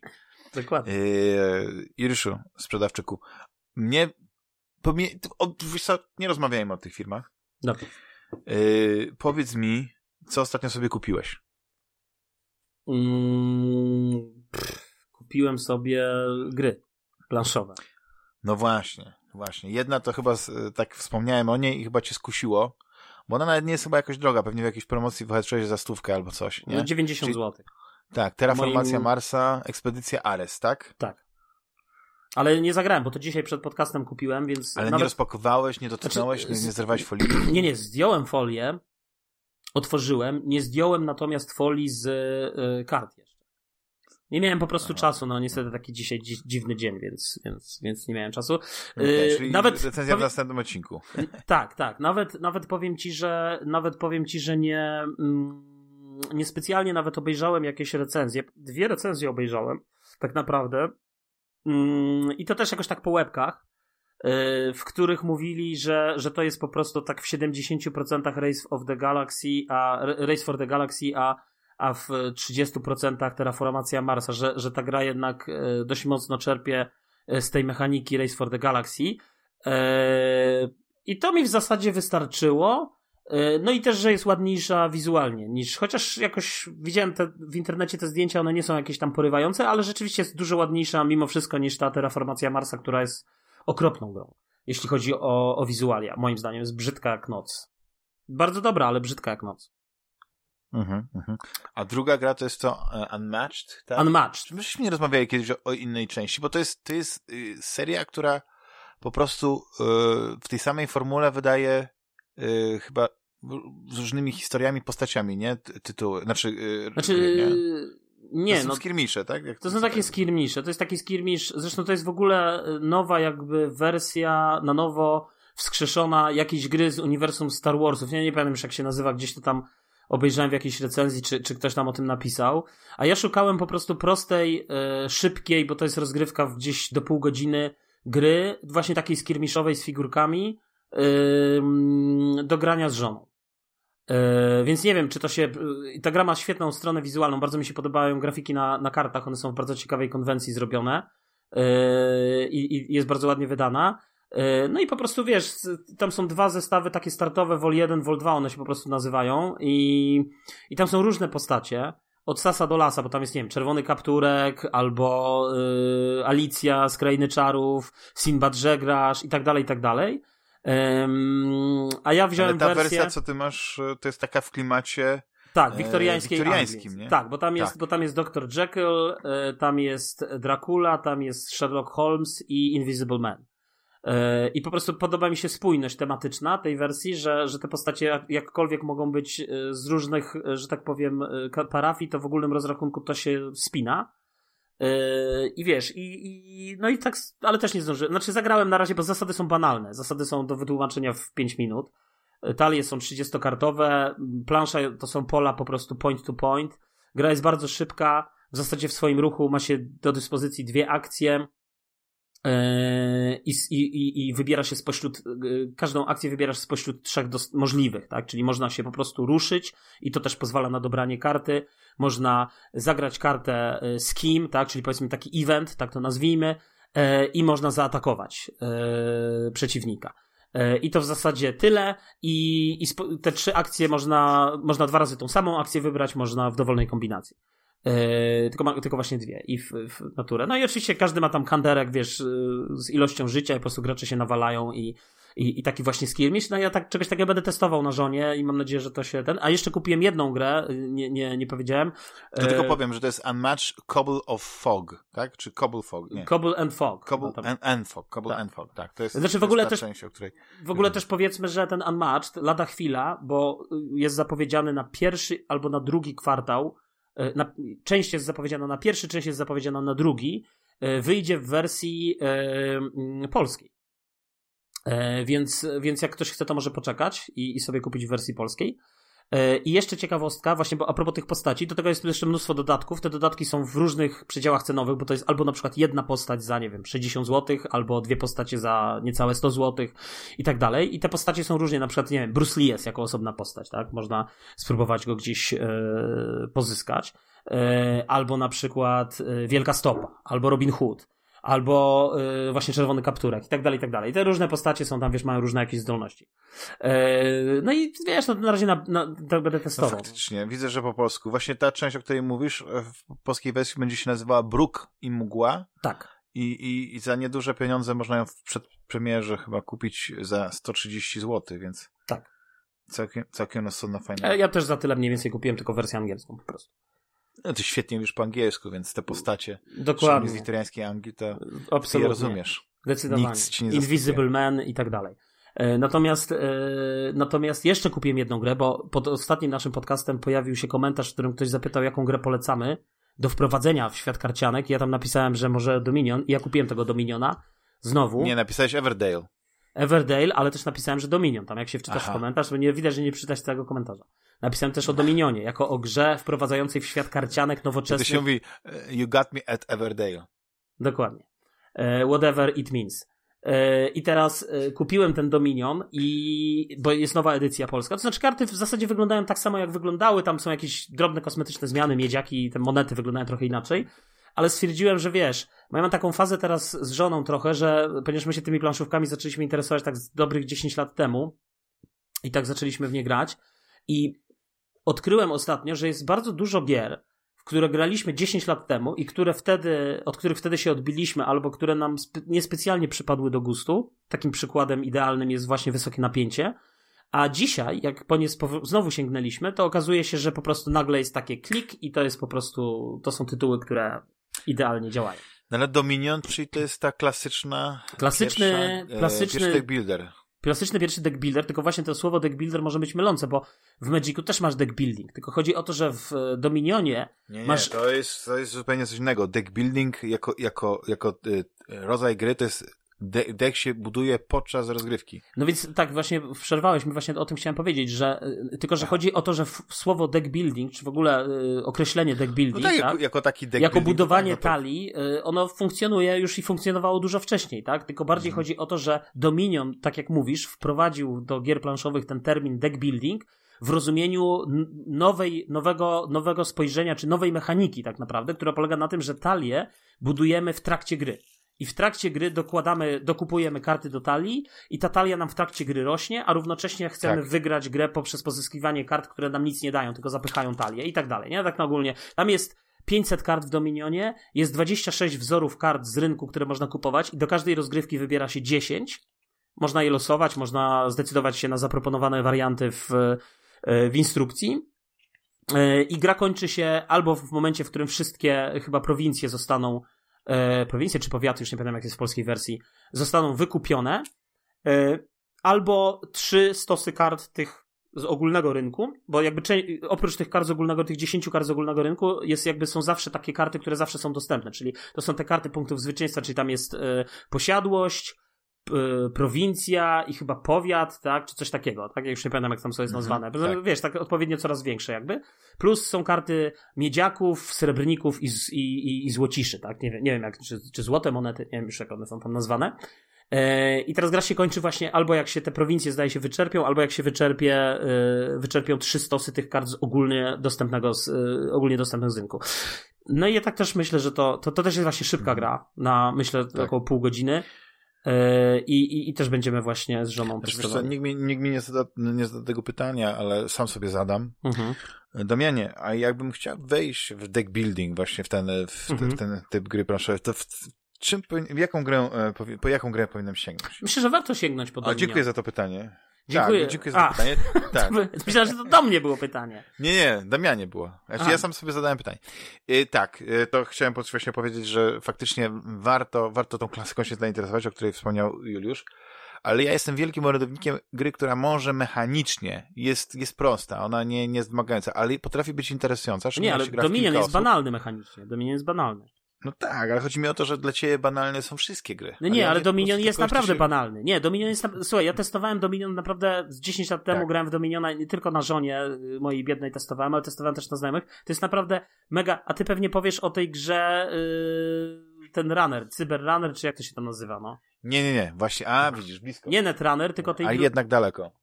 No. Nie, to ty, chcę powiedzieć o Shadowrun. wszystkim od Legendary Encounters serii która A, po okej. prostu no, wydaje ale ona mnóstwo tematycznych gier. tylko że ona jest bardziej złożona. Ona jest interesująca, bo, bo ona pozwala ci, znaczy, ona ma, y, jak to powiedzieć, nie to, że, że flaw, tylko ona y, Ma flaw. gdzieś tam nad, Próbuje nad mieć tą flaw. mechaniką też jeszcze stawia właśnie, y, tak, stawia ten, to, że nawiązania do filmu, no bo generalnie te wszystkie y, rzeczy, które robimy, które odkrywamy, te karty, są związane z filmami i nawet jak sobie układamy y, wiesz, te, te, taki y, to jest hive, nie? Tego, tego jakie jest polskie słowo? E, Hive? No, powiedzmy, no, hive, e, No, haj. dziura w mózgu. E, Tak, to ale chodzi o to, że po tak? prostu y, te, tak, że, że z tego gniazda jak wchodzą karty, tak, które później odkrywamy, no to one są tematyczne. Te, te zadania, cele, które musimy zrobić też są związane z, z, z, z filmami i jest świetna. Jest świetna, ja ją bardzo lubię, ale ona jest taka, że ja ją układam jak pasjans. Ona jest dla mnie za prosta i, i obawiam, że po prostu nie mogę wiesz, tych takich dodatkowych elementów, które właśnie się rozwijają w tej grze wieloosobowej, kiedy y, ktoś na przykład może być, y, y, zagrać obcym, nie, no to jest to. Tylko Ale wiesz, druga gra faktycznie chodziła mi po głowie, o której, o której chciałem powiedzieć, to jest właśnie ten Shadow, e, e, Shadowrun. Shadowrun Crossfire, który jest świetną grą, ale X. ona jest znowu, tak, e, bez X, e, bardzo trudna, bo, bo tam faktycznie czasami jak ci element losowy nie pójdzie, to, e, to możesz się Tylko, po prostu tylko, srogo... tylko, że Shadowrun jest chyba, ja nie wiem, czy jest w ogóle do dostania, tak swoją drogą teraz, to trzeba było sprawdzić. Nie wiem, może, może No być może nie, nie ma do druków, tak. Ale wydaje mi się, że on jest ciężko do dostania. Poza tym nigdy nie wyszła wersja polska, więc to też może być e, jakiś tam e, game breaker. No tak, no, a jak, no, może w takim razie, jeśli ktoś nie lubi e, klimatów e, science fiction, nie, no bo e, Shadowrun to jest, jak pewnie wiecie, takie, takie cyberpunk, fantazy takie cyberpunkowe, tak, czyli Mhm. magia w świecie cyberpunka. Tak. Ale jest w fantazy ta sama mechanika, tylko troszeczkę rozbudowana, Dragonfire. I Mhm. mniej więcej jest to samo, To samo. tylko po prostu masz bardziej rozwiązywane e, Chyba questy. są jakieś zmiany. Nie, nie, są, znaczy w ogóle e, są zmiany pewne w mechanice, które je, ja nawet pomyślałem, że warto jest zastosować e, w, w podstawej, e, podstawowej wersji, no nie, w Shadowrunie, bo, bo chodzi o to, że na przykład, kiedy nie kupujesz czegoś, wiesz, z tego, z tego rynku, nie, z, z tego, z tego czarnego rynku, to te karty powinny być recyklingowane, żeby one były cały czas odświeżone, żeby nie było takiej stagnacji, że wystawiasz sześć kart i jak, jak nikt nie chce żadnej kupić, to nie ma, wiesz, to nie ma tej płynności. A, a Tylko- tak coś się ciągle dzieje. Ja muszę niestety wystąpić w roli psuj zabawy, yy, bo mi się wydaje, że oba tytuły, które wymieniłeś, to nie są dobre tytuły, żeby zaczynać w ogóle yy, przygodę. Niestety. Nie, nie, to ja powiedziałem, że jakby ktoś się właśnie chciałby utrudnić życie, tak, to, to, to Eee, dlaczego taki trudny zaraz. Poza tym w ogóle wiesz, ten świat tych deckbuilderów jest bardzo y, od, od czasu, bo jeszcze w międzyczasie też Fantasy Flight Games wypuściło tam tego Rune, Rune Age chyba to się nazywało. Oni mieli ten swój system taki nie pamiętam jak to się nazywało, bo Age to była jakaś inna gra, tylko, tylko, tylko, ale też właśnie coś z run, bo oni mają ten swój świat fantazy, taki powiedzmy ich własne IP, y, czyli Descent to jest gra, która jest w tym świecie y, i, i mm, i, była, I wydali też taki deck builder, wiesz, taki, który miał na przykład taki aspekt, że się w zasadzie wystawiało jednostki, miał taki aspekt konfrontacyjny, te scenariusze były takie, to były te takie pierwsze próby tych y, zaadoptowania mechaniki y, deck buildingu na różne gry. Poza tym są też bardzo ciekawe gry już takie jak Hero Realms, Star Realms, Hero Realms to właśnie w tym świecie, które też są stosunkowo prostymi deck builderami, a od, i wydaje mi się, że od nich też można spokojnie zaczynać, chociaż ja się przyznaję, że w nie nie grałem. Jest też na przykład Aeon Sand, to jest w ogóle bardzo ciekawa gra, bo to jest gra, która też jest deck builderem w, w takim fantazy, też jest ten rynek i tak dalej. Natomiast to jest gra, w której się, bo normalnie w deckbuilderze jak zagrywasz karty, to potem w zasadzie musisz przetasować na koniec tur, y, jak ci się deck wyczerpie, to przetasowujesz y, swój stos kart odrzuconych i jakby dobierasz nową rękę, tak? W momencie jak ci się albo jak ci się wyczerpią karty. Natomiast w Aeon Sand jest tak, że nawet jeśli że odkładasz karty na stos i potem jak ci się stos wyczerpie, to nie tasujesz tych kart, tylko po prostu go przekładasz na, jako nową talię. I dochodzi nowy aspekt tej kolejności, w jakiej będziesz te karty odkładał, bo to też będzie miało Tak. znaczenie. Bardzo ciekawe są takie, wiecie, i to, i to są nie, właśnie no, takie, świetna, w ogóle to są takie świetna, tweaki, Świetna gra, tak. E, To są takie, takie, takie zmiany w tych mechanikach, które pokazują właśnie, że zaczęło się od Dominiona, który jakby nakreślił pewien kierunek, a potem pojawiły się gry tak jak mówisz właśnie Legendary, który zaczął iść w stronę narracyjną. Tak? Taką fabularyzowaną, żeby, żeby może nie narracyjną, bardziej fabularyzowaną, czyli żeby pokazywać pewną, Tak. pewne wydarzenia i gracz sobie może z nich układać w głowie jakąś tam opowieść. E, Aeon Send, który jest właśnie już taką troszeczkę bardziej zaawansowaną, e, ale w dalszym ciągu prostą grą, wydany po polsku z mnóstwem dodatków. E, Do tego właśnie taką grą, która już zaczyna troszeczkę polemizować, czy kontestować, że tak użyję takiego wyrafinowanego sformułowania, drogi Damianie, z mechaniką deck Nie dziwi mnie wykwitność twoich słów. A, a Zalisz, e, pozwolisz, że będę dalej kontynuował. Słownictwo u ciebie Jeszcze z deckbuilderów naj- na wysokim poziomie. Dziękuję, że raczyłeś to zauważyć, mój drogi e, rozmówco. Nie ma niestety Rafała, który również mógłby dorzucić tutaj swoje trzy grosze na temat mojego jakże elokwentnego sposobu wysławiania się. Ale dziękuję, Rafale, na pewno byś mi pogratulował. No, E, Widzę jak kiwa głową.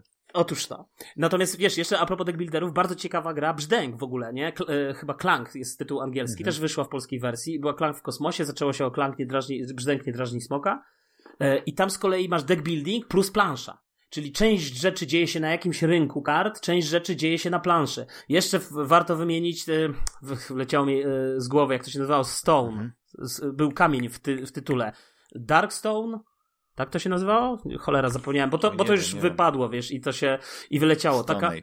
E, Nie, nie Stone Age. E, e, To była taka gra, w której się schodziło do podziemi. Była wioska i też była taka mechanika schodzenia do podziemi, odkrywania kolejnych E, przeciwności. Thornstone? Nie. Coś takiego, no, no, jesteśmy blisko. Thunderstone. O, widzisz. I tak udało nam się doprowadzić, tak. E, Potem wyszły też nowe edycje. Uzupełniamy się jak yin Otóż yang. Mówiłem, no wiesz, powinniśmy. Jak, mieliśmy jak ogień i woda. jak, powinni, jak powinniśmy dokładnie ten, y, o ten y, y, planszówkowy czy karciany odcinek nagrać, no bo jednak jesteśmy. Jak placki z cukrem No, dokładnie. ziemniaczane. Otóż to. Y, No, ale wiesz co, już y, to A Legendary w ogóle e, jeszcze zanim. Bardzo ciekawe. Jeszcze Legendary Mhm. w ogóle zanim y, to, o którym ty powiedziałeś Legendary, które w ogólnym rozrachunku ja się zgadzam, to jest bardzo ciekawa. Y, A jestem zaskoczony w ogóle. Inkarnacja. Jestem zaskoczony, bo takie U. pozytywne słowa, y, nie wiem, nie wiem co dzisiaj y, jadłeś na obiad, ale powinieneś tę dietę stosować codziennie. Masz bardzo dobry nastrój. To dobrze. Jesteś bardzo łaskawy jak dla Legendary. Nie, Zawsze musiałem bronić rękami i nogami. ale to było kiedyś i nieprawda. Natomiast jeśli chodzi o Tak. Legendary, to ono się w ogóle wzięło, wiesz, zanim, zanim powstała ta wersja, o której ty mówisz, to to, to się w ogóle Encounters, zaczęło tak. od... Tak, Encounters. I tak jak mówisz, to są różne wersje. Jak ktoś lubi tam, nie wiem, y, X-Files, to jest wersja X-Files, jest wersja Aliena, jest Mam. wersja Aliens vs Predator, jest wersja... Mam y, Firefly. Mam. Firefly, jest wersja, wydaje mi się, że jest, Jest wersja Buffy, Buffy, tak? Buffy jest, dokładnie, tak. Jest, E, jest e, 007 A tak, I dokładnie. o- I też tylko- masz. i nie mam. I Jest jedna wersja, którą w sumie chciałbym mieć i ona w ogóle nie ma podtytułu Encounter, ale właściwie jest e, Legendary Encounter. To jest e, Big Trouble Little China. A to nie wiem. I, I wiesz, bardzo chciałem bo mieć w tym. Wiesz, a wspomniałem o Firefly? Wspomniałem. Wspomniałeś o Ale ja patrzę teraz jeszcze, wiesz, patrzę teraz na, na zestawy. Tak, wydaje mi się, że chyba wymieniliśmy wszystkie, ale to się w ogóle zaczęło od Legendary Marvel. To była pierwsza gra z tej, wydaje Tak. mi się. y, I, i, i które, tylko ona nie była tak narracyjna. To znaczy, to było bardziej na zasadzie. y, ta Wychodzą sama mechanika, tak, wychodzą a my się z nimi naparzamy. Natomiast y, w tych twoich wersjach Encounters oni wzięli po prostu dokładnie tą mechanikę, wychodzą przeciwniki i się naparzamy, ale dodajmy jeszcze twist. W postaci właśnie Tak, są, no, jakichś faz scenariusza. Hazard, są eventy, Tak, które jakiś- zależnie od, od, od rodzaju y, y, obiektywa, nie wiem, o, jak, nie wiem jak do czego nie mogę znaleźć polskiego odpowiedniku tych słów, ale tych zadań, które mamy, Mhm. to pewne rzeczy, pewne karty, które są no, generyczne, no, aktywują różne, różne e, złe rzeczy, które się dzieją i, i, i to jest ciekawe.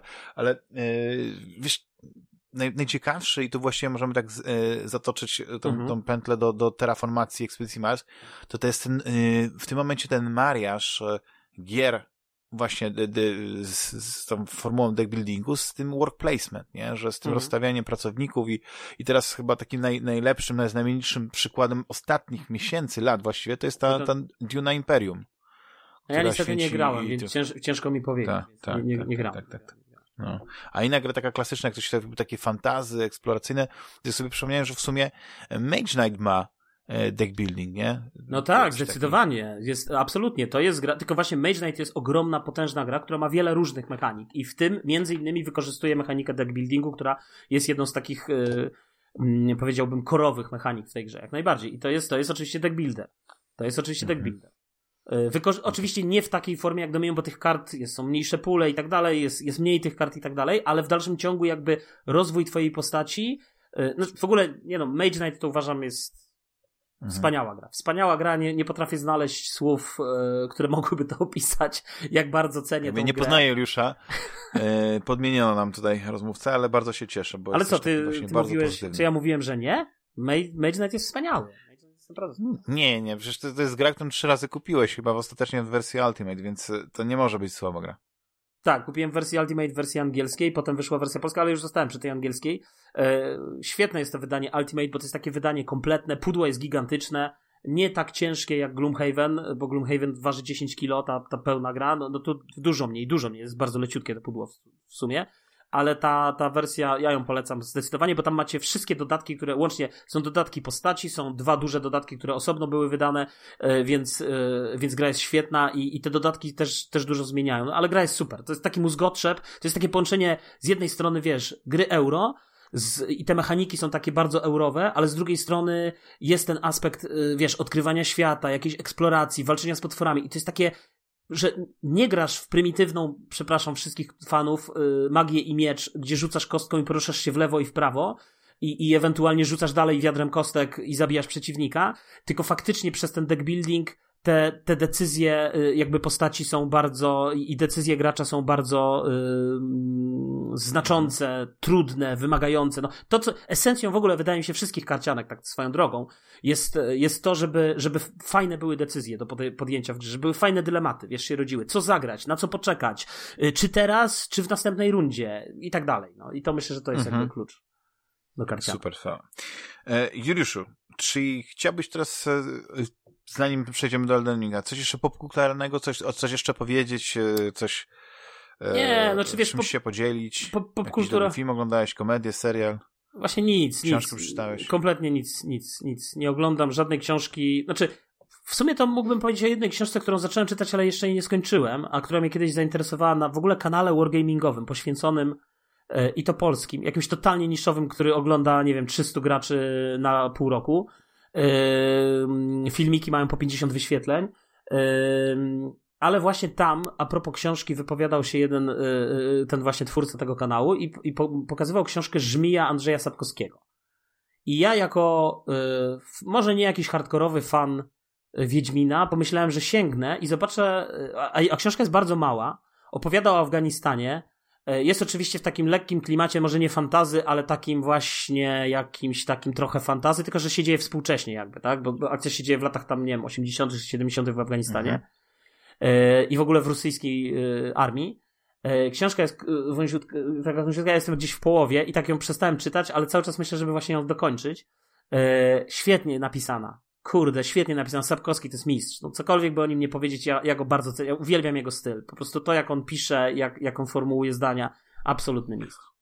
No, znowu e, ceniony przeze mnie krytyk filmowy Tomasz Żaczek powiedział, że e, Sapkowski e, tak pisze, że on nie może czytać. Bo te zdania są zbyt wykwintne, zbyt przekombinowane. No, ale, wiesz... ale zawsze dla mnie Sapkowski to jest, to był mistrz pióra. Ja nie chcę być, ja nie chcę być brutalny, ale jakby Tomasz Raczek y, w moich oczach on, ja absolutnie nie cenię jego wypowiedzi. Nie słyszałem, mówiąc szczerze, też czasem oglądam jego kanał, nie słyszałem żadnej, to tak teraz jestem taki, wiesz, yy, zamieniłem się trochę w takiego diabełka naszego. Teraz szpila. Yy, teraz szpila. Ja nie za bardzo cenię Tomasza Raczka i nigdy go za bardzo nie ceniłem. Niestety. Przepraszam wszystkich fanów Tomasza Raczka, bo wiem, że tu są fani Tomasza Raczka, Fantasmagierii, którzy go kochają Natomiast ja go nie cenię w żaden sposób. Uważam, że to jest dla mnie taki przykład takiego popkulturowego bełkotu uprawianego przez quasi-celebrytę, który za bardzo nie ma nic ciekawego do powiedzenia. Jak oglądałem jego... on się świetnie uzupełniał z Kałużyńskim, bo Kałużyński był absolutnym erudytą. To był, to był, to był e, człowiek, który on był tak, do, e, moim zdaniem, ja nie wiem. On dlatego, był doklejony że, ale do, wiesz co, on, do Kałużyńskiego. No. No może tak, tam, może tam było coś go więcej. wybrał, dlatego że on był katalizatorem y, w długich wypowiedzi Kałużyńskiego, a Kałużyński był człowiekiem, który nie tylko znał się na filmie, ale znał się na muzyce, na komiksie się znał. To wiesz, to komiks amerykański, kiedy, kiedy y, wiesz, my nawet jeszcze nie mieliśmy tych przedruków z TM Semik, nie? To on on ten komiks amerykański znał, on znał to popkulturę. I dla mnie to było Ale wiesz, dla mnie Tylko, wypowiedź, widzisz- tylko wiesz, dla mnie, dla mnie jak Tomasz Raczek opowiadał o tym filmie Oszust z Tindera, o to chyba jedyny film, jaki widziałem jeszcze, jak miałem e, Netflixa, na chwilę go wskrzesiłem z dwa miesiące temu. E, I, I paralela, którą próbował zbudować w swojej recenzji Tomasz Raczek, oszusta z Tindera i jeszcze do chyba wojny na Ukrainie i do Putina, nie, to ja już stwierdziłem, to już, to już nie na moje, nie na moje zdrowie, stary. To już, ja dziękuję. Ja wysiadam po prostu. To już jest ekwilibrystyka po prostu y, wyższe, y, wysokopoziomowa, y, jakby nie dla mnie. Pozdrawiam pana Tomasza. Ale może ty, Damianie, ja ja- teraz, że zadam ci takie pytanie, obejrzałeś albo przeczytałeś, albo obcowałeś z jakąś y, kulturą wysoką, tudzież niską, y, którą chciałbyś się podzielić ze mną i z naszymi słuchaczami. Yy, chciałem powiedzieć, że yy, A ty powinieneś powiedzieć tak, drogi, drogi Juliuszu, e, chciałem e, powiedzieć, że komiks amerykański e, w tych czasach, w których oni to pisali, to było bardzo dobre. Ale chciałem powiedzieć, że już y, tylko naszym drogim słuchaczom, że to była fantastyczna, fantastyczna wersja y, pana Kałużyńskiego, Zygmunta. Właściwie zamknąłem oczy i choć cię nie widzę, to myślałem, że właśnie z panem Zygmuntem rozmawiam. Świętej pamięci. Mistrz. Ale nie, y, wiesz co, no, było kilka rzeczy, które, które postanowiłem jakby obejrzeć. I na przykład między innymi to jest Koda, która Obej- jest e, filmem e, nominowany, który zdobył wiele statuetek, w tym, w tym właśnie tę najważniejszą. I podtrzymuję moją opinię, że to jest film, który jest bardzo ciepły, bardzo. e, To jest, to jest melodramat, znaczy nie melodramat. Nie wiem, czy to się tak mówi melodramat, bo kiedyś. Nie wiem, no film obyczajowy pewnie. No taki obyczajowy, wiesz, o, o, o, o rodzinie, gdzie, gdzie. No ale to chyba fabuły nie ma co zdradzać. W każdym razie to jest rodzina głuchoniemych, gdzie, gdzie dziewczyna Jedyna jest ma... jedyną, która, kt- która mówi i, i, i, i słyszy i dodatkowo przepięknie śpiewa. Tylko, tylko tam jest taki moment, który no, mi się nie podoba, ale to, to jest właśnie taki film, że tam jest taki nauczyciel, wiesz, to jest taka grzeczna wersja Whiplasha. E, I tutaj muszę tylko jedną rzecz powiedzieć, że nic nie zdradzać, nic nie mówię i to jest tylko, chodzi o to, jak są takie, wiesz, pewne podejścia do, do tego, żeby wydobyć z kogoś to, co najlepsze, nie? I w, w, Whiplashu, pamiętasz, Whiplash to był ten, że to był ten chłopak, który grał na perkusji, To nie? ja uważam Whiplash za wybitny film. Tak, ale i tam był, był tyran, absolutny despota, y, człowiek nie do życia, ale on spowodował, że ten człowiek nawet po ciężkim wypadku nadal był na wyżynach, że był, odegrał Znaczy wiesz, to już jest kwestia mistrzowski tego. interpretacji, bo ja, bo ja trochę inaczej patrzę na film, ale nie chcę, nie chcę przedłużać. No wiesz, tak, nie chcę, a nie Koda chcę jest taką, wiesz, że tam jest taka, taki moment, wiesz, wiesz, ten, ten początek jest taki, że poznajemy właśnie tą rodzinę, no widać, że e, no ma problemy finansowe, ale, ale się kocha i jest, jest, jest w ogóle super, wszystko jest e, miodzik, nie, że się tak wyrażę, mimo jakichś tam konfliktów, no nie, pokoleniowych i tak dalej, i tak dalej.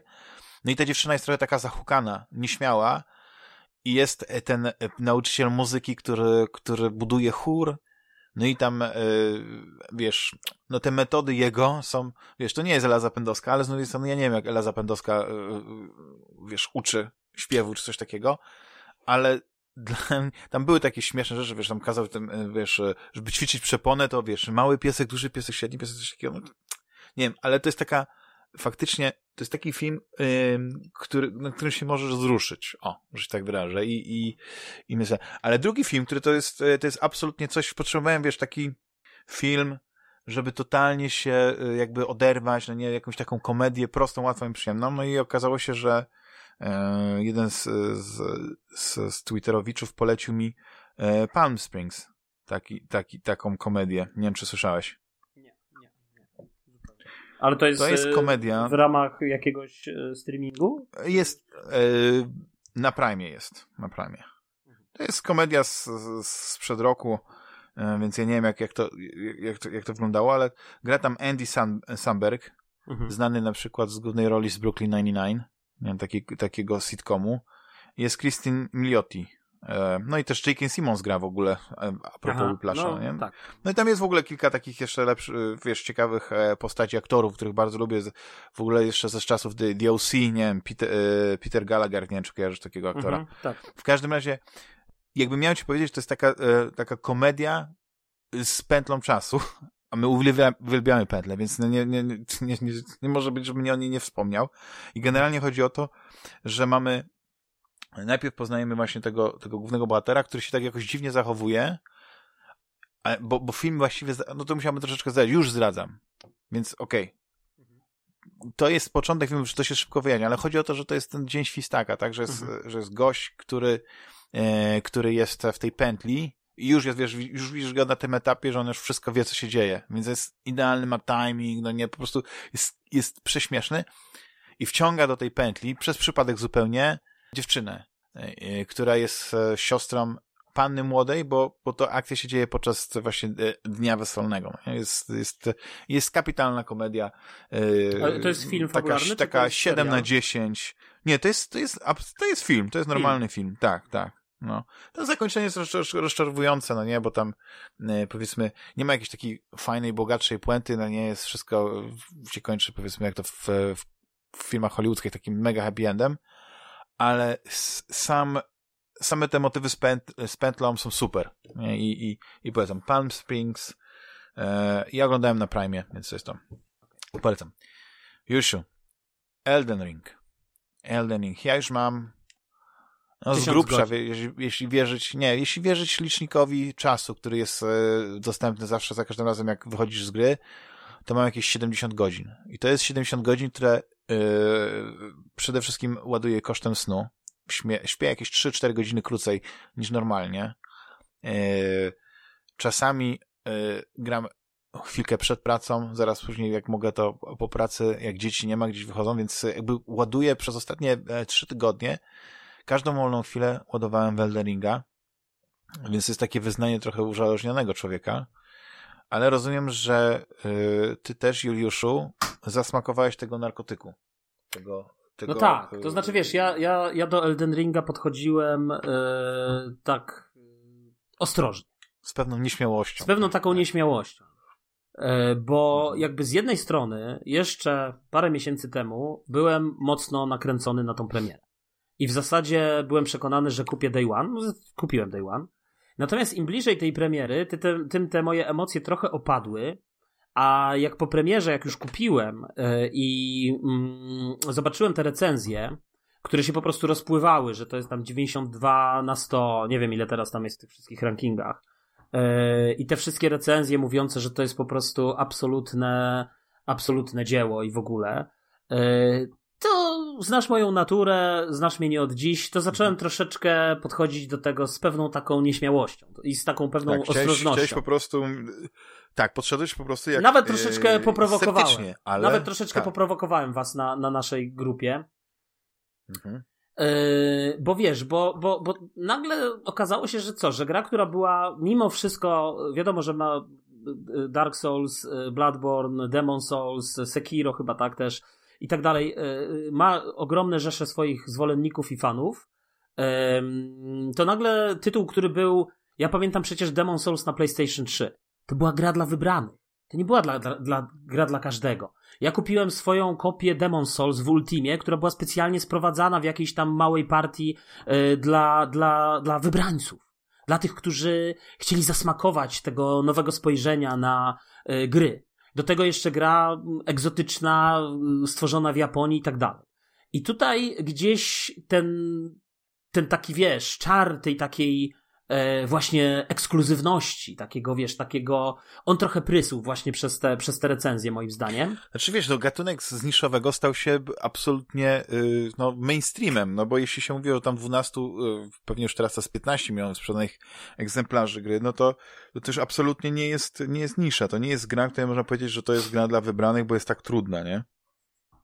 Na przykład. Yy, nie no, tak, no i dlatego mówię, dlatego właśnie yy, skończyłem Sifu, zrobiłem platynę w Sifu. Yy, ja w tej chwili na liczniku w Eldenie mam 36 godzin w sumie. Yy, mhm.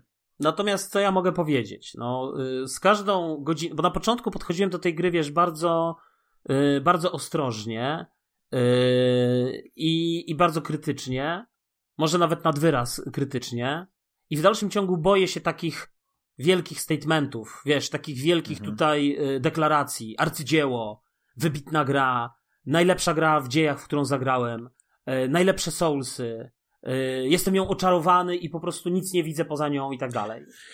Więc to będzie, się... wiesz, wersja Game of the Year będzie właśnie same tylko cytaty Juliusza, właśnie tak. Tak, dokładnie.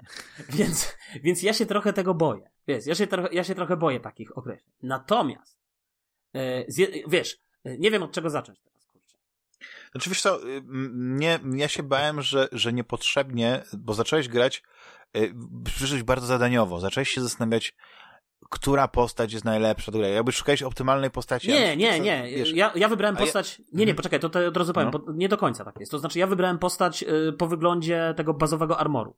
I chciałem grać postacią y, władającą magią y, w jakimś tam sensie. To znaczy, y, nie, nie całkowitym czarodziejem, ale chciałem grać generalnie, mówiąc szczerze, takim ala klerykiem z DD, który wiesz, y, chodzi w ciężkim armorze, w ciężkiej zbroi i, i jeszcze ma tą magię taką leczącą, czy, czy, czy wiesz, taką wzmacniającą.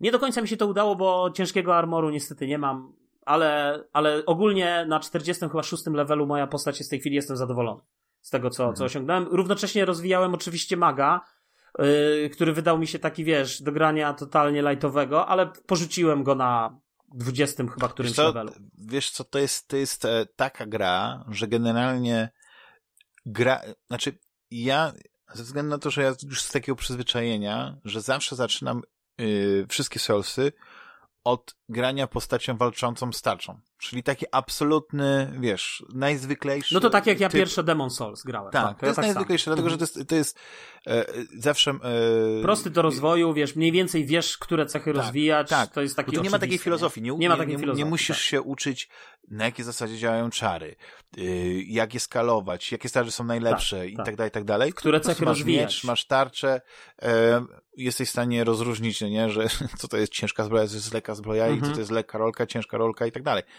I, I to była taka moja filozofia na początku.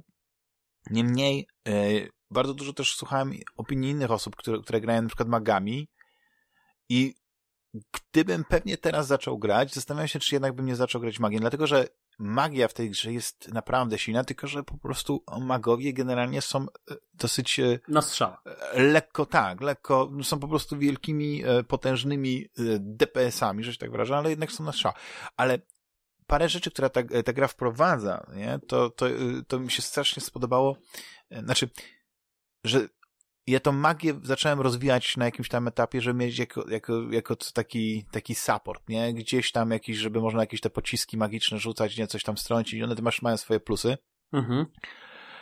Ale po prostu nie zmieniłem tej filozofii i muszę przyznać, że y, być może, no nie? Na, na pewnym etapie trochę mi się nudzi, że jestem ciągle e, tym rycerzem, tak? Że, że te walki nie są takie pasjonujące, no bo wszystko zasadza się o taki, wiesz, bliski kontakt, o ten timing, ale z drugiej strony, kiedy e, walczysz z jakimś trudnym przeciwnikiem i wiesz, że żeby wygrać z tym przeciwnikiem, to właśnie ten timing, to odpowiedni blok, a przede wszystkim odpowiedni unik jest istotny. I kiedy przez te pięć minut walki uda ci się to wszystko zgrać na takiej zasadzie, że pokonasz przeciwnika, to ci daje niesamowitą satysfakcję, ale też yy, gdzieś tam zauważyłem, że przez to, że ta gra jest tak duża i jak gdzieś się od czegoś odbiłem, to po prostu szedłem w innym kierunku i wracałem do tego miejsca nie wtedy, kiedy powiedzmy myślałem, że już nie mogę nigdzie indziej, nie muszę pokonać tego bossa, tylko wtedy, kiedy e, już byłem wystarczająco silny, że ta walka dla mnie była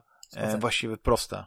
Wiesz, to jest, to jest to, że e, wydaje mi się, że w Dark Soulsach to, e, że tak się brzydko wyborzę, prawdopodobnie gdzieś znalazłem sobie jakiś punkt zaczepienia i tam e, tych dusz e, nagrabił troszeczkę, żeby jak się pogrindował, żeby się podnieść, a tu po prostu nie muszę tego grindu robić, po prostu idę w inne miejsce. I ta eksploracja w tej grze, wiesz, no właściwie dużo rzeczy, które Rafał już powiedział w swoim odcinku, no, część pewnie powtórzę, e, jest taką kwintesencją tego wszystkiego, wiesz, że odkrywanie tego świata najpierw jest na takiej prostej zasadzie, że po prostu jedziesz, za bardzo nie wiesz gdzie, e, te, e, te, te ogniska, te, te, te mhm. miejsca łaski, one cię jakby prowadzą, dają ci jakiś taki kierunkowskaz, nie? Bo ta, ta, ta łuna tego, tego, tego światła gdzieś cię prowadzi.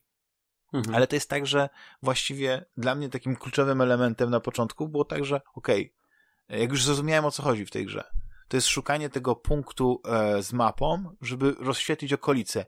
Dokładnie. I wtedy po tej takiej prostej, nawet zarysowanej mapie, ja byłem w stanie określić, gdzie być może coś jest interesującego. Nie potrzebowałem tej masy znaczników, wiesz, takich jak, czy znaków zapytania, czy innych e, punkcików, żeby wiedzieć, że prawdopodobnie coś tam jest. I zwykle tam są jakieś ruiny, tam mógł być jakiś NPC, tam może być coś, co, co mnie za, zainteresuje, ale przede wszystkim, no to jest to eksplorowanie, to jest odkrywanie miejsc i w przeciwieństwie na przykład do Horizon Forbidden West, gdzie jest, to jest przepiękna gra, tam są przepiękne widoki, ale tam jest non-stop się z kimś rozmawia, non-stop się dzieje coś, wiesz, to jest taka gra przegadana, to jest ta, ta mhm. gra całą, cały klimat buduje przez atmosferę właśnie miejsc, poprzez to, że czegoś szukasz, jesteś w ciągłym napięciu, nie? Takie miejsca spokojne oczywiście są, to nie jest tak, że nie, e, że tylko przy miejscach łaski jesteś w stanie odpocząć, ale chodzi mi o to, że znaczy ja się z tym napięciem to się do, nie do końca bym zgodził. Znaczy wiesz, ale chodzi mi o to, że po prostu ta muzyka w ogóle też buduje niesamowicie klimat. E, wchodzisz do jakiegoś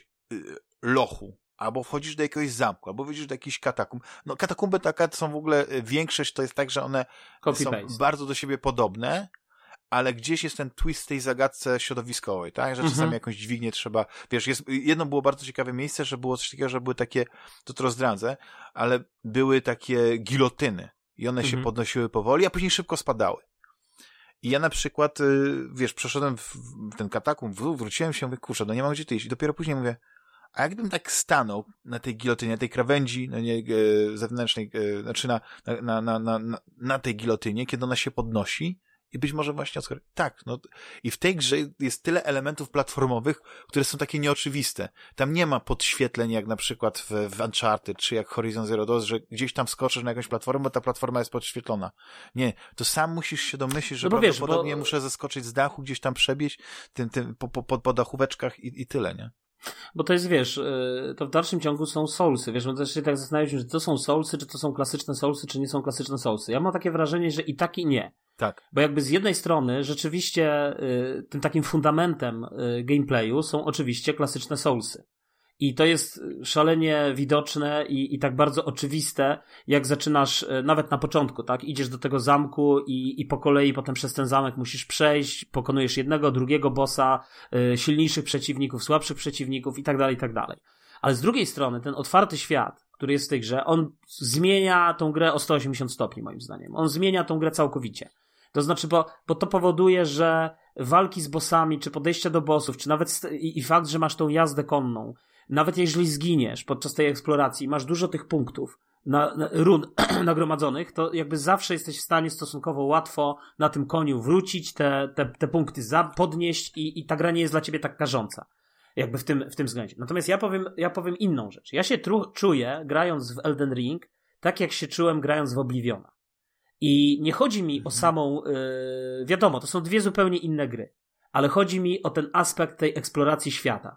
To znaczy, ja mam takie, wiesz, ja pamiętam do dziś e, w Oblivionie, jak przeczytałeś gdzieś i, i, i to jest w ogóle ta filozofia, od której bardzo wiele tych zachodnich gier odeszło, a coś, co jakby jest, e, czy było w Zeldzie, oczywiście nie w tej najnowszej, bo, bo w tej najnowszej Zeldzie masz oczywiście ten journal, tak, ten dziennik i jesteś w stanie w każdej chwili tam sobie tak. strakować te wszystkie znaczniki i tak dalej. Ale pamiętam na początku tego roku, w zeszłym roku y, grałem w tego Link's Awakening, czyli ten taki y, wskrzeszona wersja y, wskrzeszona wersja na Switcha tej, tej, tej, tej, tego linka z czasów jeszcze Game Boya. I w tej grze też nie ma żadnego dziennika, nie masz informacji, nawet jak spotykasz postacie, to to jest właśnie to, że spotykasz postać, która ci coś mówi, że coś ci może dać, jak coś tam zrobisz, ale ty czasami musisz się nawet domyślić, co ty masz do zrobienia, a nie mówiąc o tym, że w ogóle gdzie masz pójść i to zrobić. I tak jest oczywiście w Eldenie i tak samo było, wiesz, mnie zawsze uderzało, że w Demon Souls jest tak, że japońska gra, ale jak ona fas, fas, w fascynujący sposób pokazywała to takie mroczne, średniowieczne fantazy, wiesz, takie dark fantasy, mm. takie, to było dla mnie niesamowite. Ten klimat, wiesz, ta atmosfera, ta taka pewna wolność tej gry. Mówię, wolność w znaczeniu wolno, yy, powoli. Czyli, że właśnie zabijasz tego wroga, wycofujesz się, wypijasz miksturę, idziesz, tu musisz rozkminić, co on mi zrobi, czy mogę mu uciec, czy mogę mu nie uciec i tak dalej.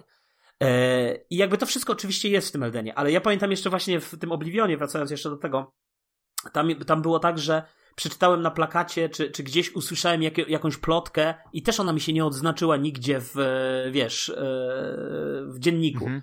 Że pójdź w jakieś tam miejsce i coś tam się wydarzy, że ponoć tam mówią o tym, że o północy, o zmroku można kogoś tam gdzieś spotkać. I to jest właśnie ten taki poziom, który ja bardzo sobie cenię w grach i ten minimalizm, który ja bardzo lubię. Oczywiście Oblivion, wiadomo, później znaczniki i tak dalej, ale, ale to jest ten minimalizm, który jest, yy, który też był na przykład w Morrowindzie, nie? W tych mhm. poprzednich grach i który w jakimś sensie From Software wskrzesiło, czy w zasadzie przypomniało, że gra nie musi być wcale, wiesz, te, te wszystkie tam jakieś opinie, cytowaliście na, wtedy z Rafałem, że jakiś tam z Guerrilla Games Y, scenarzysta, że on w ogóle, że to jest karygodne, jak ten scenariusz jest zrobiony i że tam nie ma tego journala i tak dalej. Ja się absolutnie z tymi głosami nie zgadzam. Ja uważam, że to są kapitalne decyzje. Znaczy, mhm. I, I, jeszcze jedną rzecz ci powiem taką, bo, bo y, aha, no dobra, to dokończ, bo jeszcze chciałem coś... Nie, bo jeszcze chciałem powiedzieć, że no. Y, jest z takich takich rad, które właściwie no, nie są, nie odnoszą się do samej na przykład tej, jak walczyć, co robić i tak dalej. Ja myślę, że gdybym mógł się cofnąć te, te 70 godzin i daj sobie jakąś mhm. radę, to, by, to bym sobie powiedział tak, weź sobie zeszyt i sobie zapisuj, z kim rozmawiasz, kto ci coś zleca. Ale ja jeszcze powiem niepopularną nie rzecz. Ja powiem niepopularną mhm. rzecz. Zwłaszcza myślę niepopularną w stosunku do tego, co mówił Rafał, tylko nie wiem, czy finalnie nie, trochę nie gra tak, jak ja teraz powiem, bo ja nie mam problemu z Eldenem, yy, że ktoś mi coś zaspoiluje. Nie mam problemu z tym, że, yy, że zajrzę do poradnika. Ja nie gram z poradnikiem. To nie jest tak, że ja otwieram poradnik tak. i jadę z poradnikiem, co, gdzie mam pojechać i co zrobić. Absolutnie. Ale chodzi o to, że ta gra, ona tak, jest tak oszczędna, że dla mnie częścią grania w Demon Soulsy, tak samo jak pamiętam, jak grałem kiedyś w Castlevanie.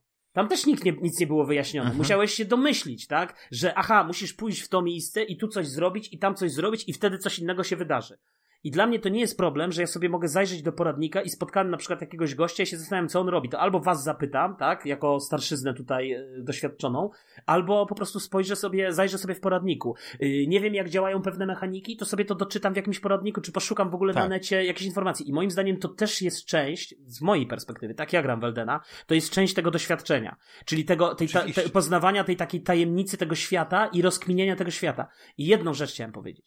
Ta gra graficznie, wiadomo, y, nie jest najwyższych lotów. To nie jest poziom, do którego nas przyzwyczaiły gry next genowe. No widzieliśmy Demon Souls na remaster na PlayStation, po prostu wygląda niesamowicie. To nie jest ten poziom. Mhm. Ale w dalszym ciągu uważam, że ta gra wygląda świetnie. Ten świat. Ona jest... potrafi zachwycić. Są tak, potrafi zachwycić dokładnie. w piersiach.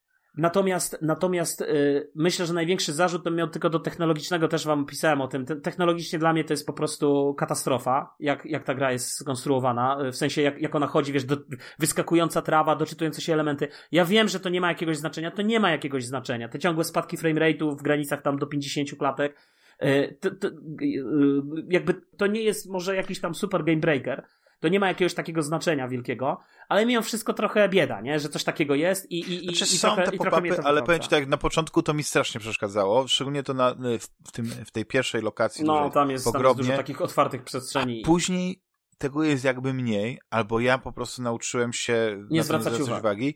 I czasami, na przykład jak był jakiś taki spadek e, ilości klatek animacji, to było to w takich momentach, gdzie absolutnie to nie wpływało na walkę. To nie było tak, że wiesz, Ale ja ci powiem jeszcze e, ten... coś więcej. Mhm. Ja, ci, ja ci chciałem powiedzieć jeszcze coś więcej, słuchaj. I coś, coś, coś takiego bulwersującego moim zdaniem. Tak? To zbulwersuje naszych słuchaczy, Rafała, ciebie, e, wielu fanów tak. Wiedźmina, bo Wiedźmin to wygląda jak choinka dla dzieci, jak z tą kolorową grafiką, z tymi tymi. Ja bym chciał zobaczyć Wiedźmina, tego kolejnego, którego oni zapowiedzieli. Takie dark żeby, fantasy. Żeby on, tak, bo taki dla mnie był Wiedźmin, jak ja czytałem. Rozumiesz, że Wiedźmin to jest taki brudny, śmierdzący świat. do tego okazało, jeszcze. to jest złota polska wieś. A to jest złota polska wieś, yy, rozumiesz, yy, ten, yy, jak to się nazywa, tam taki skansen w tym w sierpcu i po prostu wiesz, i jest pięknie, wspaniale i jeszcze tutaj używamy takiej kwiecistej mowy i tak dalej. Ja bym chciał, wiesz, ja bym chciał, żeby twórcy Wiedźmina poszli w tę stronę.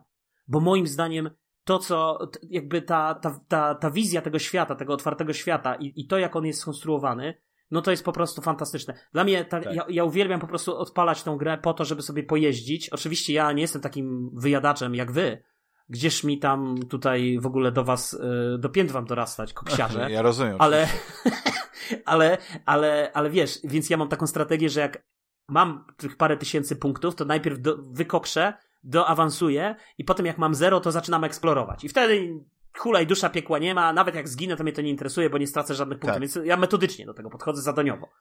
Yy, I wiesz, i wtedy znaczy, ja też tak miałem, ale był taki moment, że ja po prostu straciłem bardzo dużo dusz. I to w taki głupi sposób. Gdzieś tam się zagapiłem, nie, coś tam, wiesz, cofnąłem się, a później wracając tam znowu, y, znowu coś zrobiłem i tak w pewnym momencie doszedłem do wniosku, że wiesz, że ta gra w pewnym momencie będzie miała tak dużo dusz, że to ci się zwróci, nie?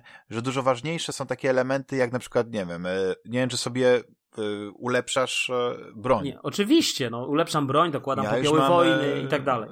Plus 17 mam tą Ugi Katanę. No ale wiesz, jak masz setny level, no to o czym my rozmawiamy, nie? Tak, ale, ale, ale przez to, że ja, ale ja gram tak wolno, wiesz, lubię... ja, ja, ja, gram wolno w tą grę mhm. i ja już, no ale dokończ to. Mhm. Nie, nie, chodzi mi o to, że ja po prostu bardzo lubię tą katanę i ubolewam na tym, mam mnóstwo fantastycznych, nowych broni, które znalazłem. Niektóre to są te bronie specjalne, a ja biegam z tą prostą kataną, dlatego że ona mi podpasowała i, i to jest ta moja strefa komfortu. I ostatnio się zastanawiałem, czy jednak by nie zmienić, nie? czy nie zacząć biegać z dwoma, yy, znaczy z, z, jakimś wielkim, potężnym mieczem, yy, trzymając go oburącz, wiesz, coś zmienić, nie? I choćby, choćby tyle. Ale jeśli chodzi o tą eksplorację, to właśnie są miejsca, szczególnie te zamki, które wyglądają fenomenalnie, a jeszcze lepiej jest, kiedy widzisz ten zamek z oddali. Ja w, w ogóle mhm. teraz jestem yy, na płaskowyżu Atlus, Whatever, no. E, Altus, przepraszam. Mhm. I, I widzisz w ogóle z, z, z niego właśnie te, ja już nie chcę mówić, co widać, bo to też są właściwie spoilery, okej, okay, ale w każdym razie no to, że na przykład widzisz coś z daleka i to się tak monumentalnie, pięknie pas, yy, wiesz, ukazuje, a później ty tam jesteś i widzisz, jaki to jest jakie to jest wspaniałe miejsce, wiesz, jak to fantastycznie wygląda, że to jest taki prawdziwy zamek, nie, że to jest taki zamek oczywiście przepięknie zdobiony, nie, że gotycki, nie gotycki, ja nie, nie, nie jestem tutaj w stanie ocenić, jaki to jest, wiesz, gat, gatunek, nie wiem powiedzieć, no, jaki to jest rodzaj tak, ale one po prostu za każdym razem mnie zaskakują. No jest takie miejsce, wiesz, w skrócie powiem biblioteka, z, z, tego, co właśnie rozmawiałem z Rafałem, no to jest jakiś dłuższy, grubszy quest, żeby to odblokować i, i nawet jak sobie gdzieś to czytałem, to okazuje się, że to faktycznie jest dużo roboty, więc odpuśćcie, ale też niesamowicie się, e, wiesz, mi podobało, wiesz, jak e, to miejsce i, i też domyślam się, co tam się stanie, co tam trzeba zrobić, żeby iść dalej, ale też nie, przyjdzie pewien moment, wrócę do tego, nie? I, i y, wiesz, eksperyment. Chociaż powiem ci, że są miejsca, które dosyć brzydko wyglądają, wiesz, ta cała, e, cała ta e, wschodnia część, nie, ten e, Kaelid, mhm. ja, ja rozumiem, że on, on musi taki być, nie, taki trochę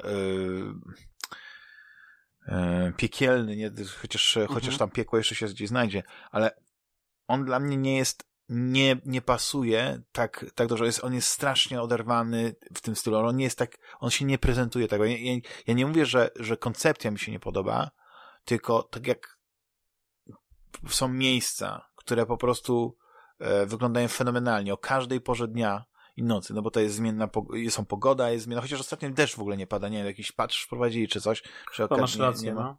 Tak. Ja ostatnio nic nie, nie padało ale, ale wiesz, jest zmienna e, pora dnia, jest, jest to i wiesz, i czasami się niektóre rzeczy, wiesz, lepiej prezentują nocą, czasami lepiej się prezentują w ciągu dnia, ale ile ja w ogóle w tej grze odkryłem, czasami wracając gdzieś tam jakiś przez przypadek coś odkryłem, jakieś przejście, tam mówię, kurczę, a może tam wejdę, wskoczę i okazuje się, że jest jakieś wejście do jakiejś jaskini.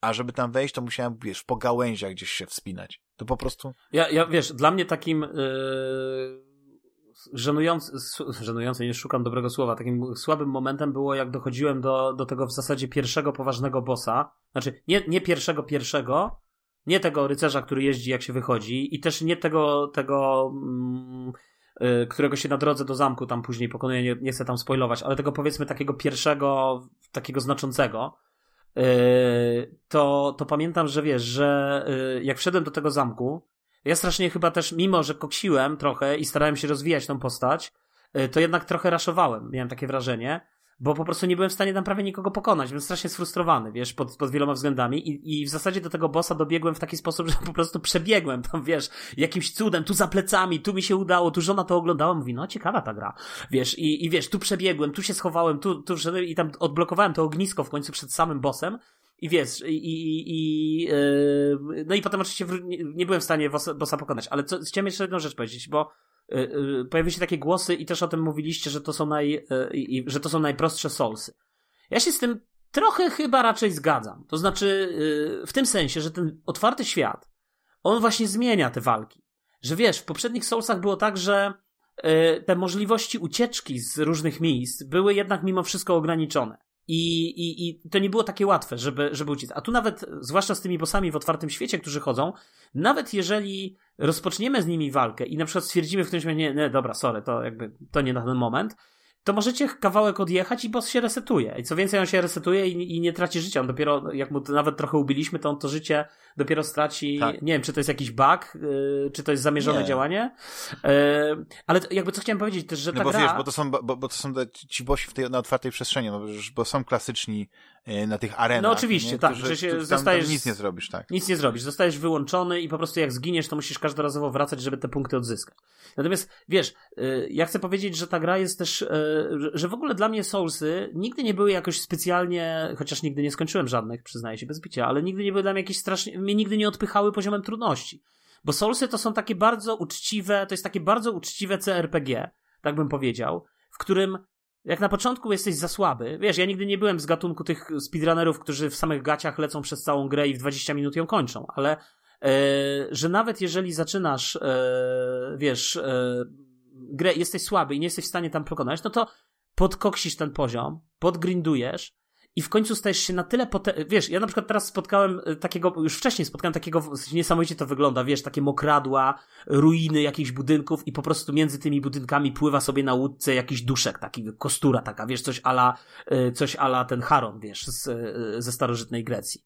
Niesamowite wrażenie, nie? Jak to początkowo. Ale ja na początku przejechałem, a później pamiętałem, że, że gdzieś zostawiłem za plecami tego bossa i chciałbym wrócić yy, jakby do tego miejsca.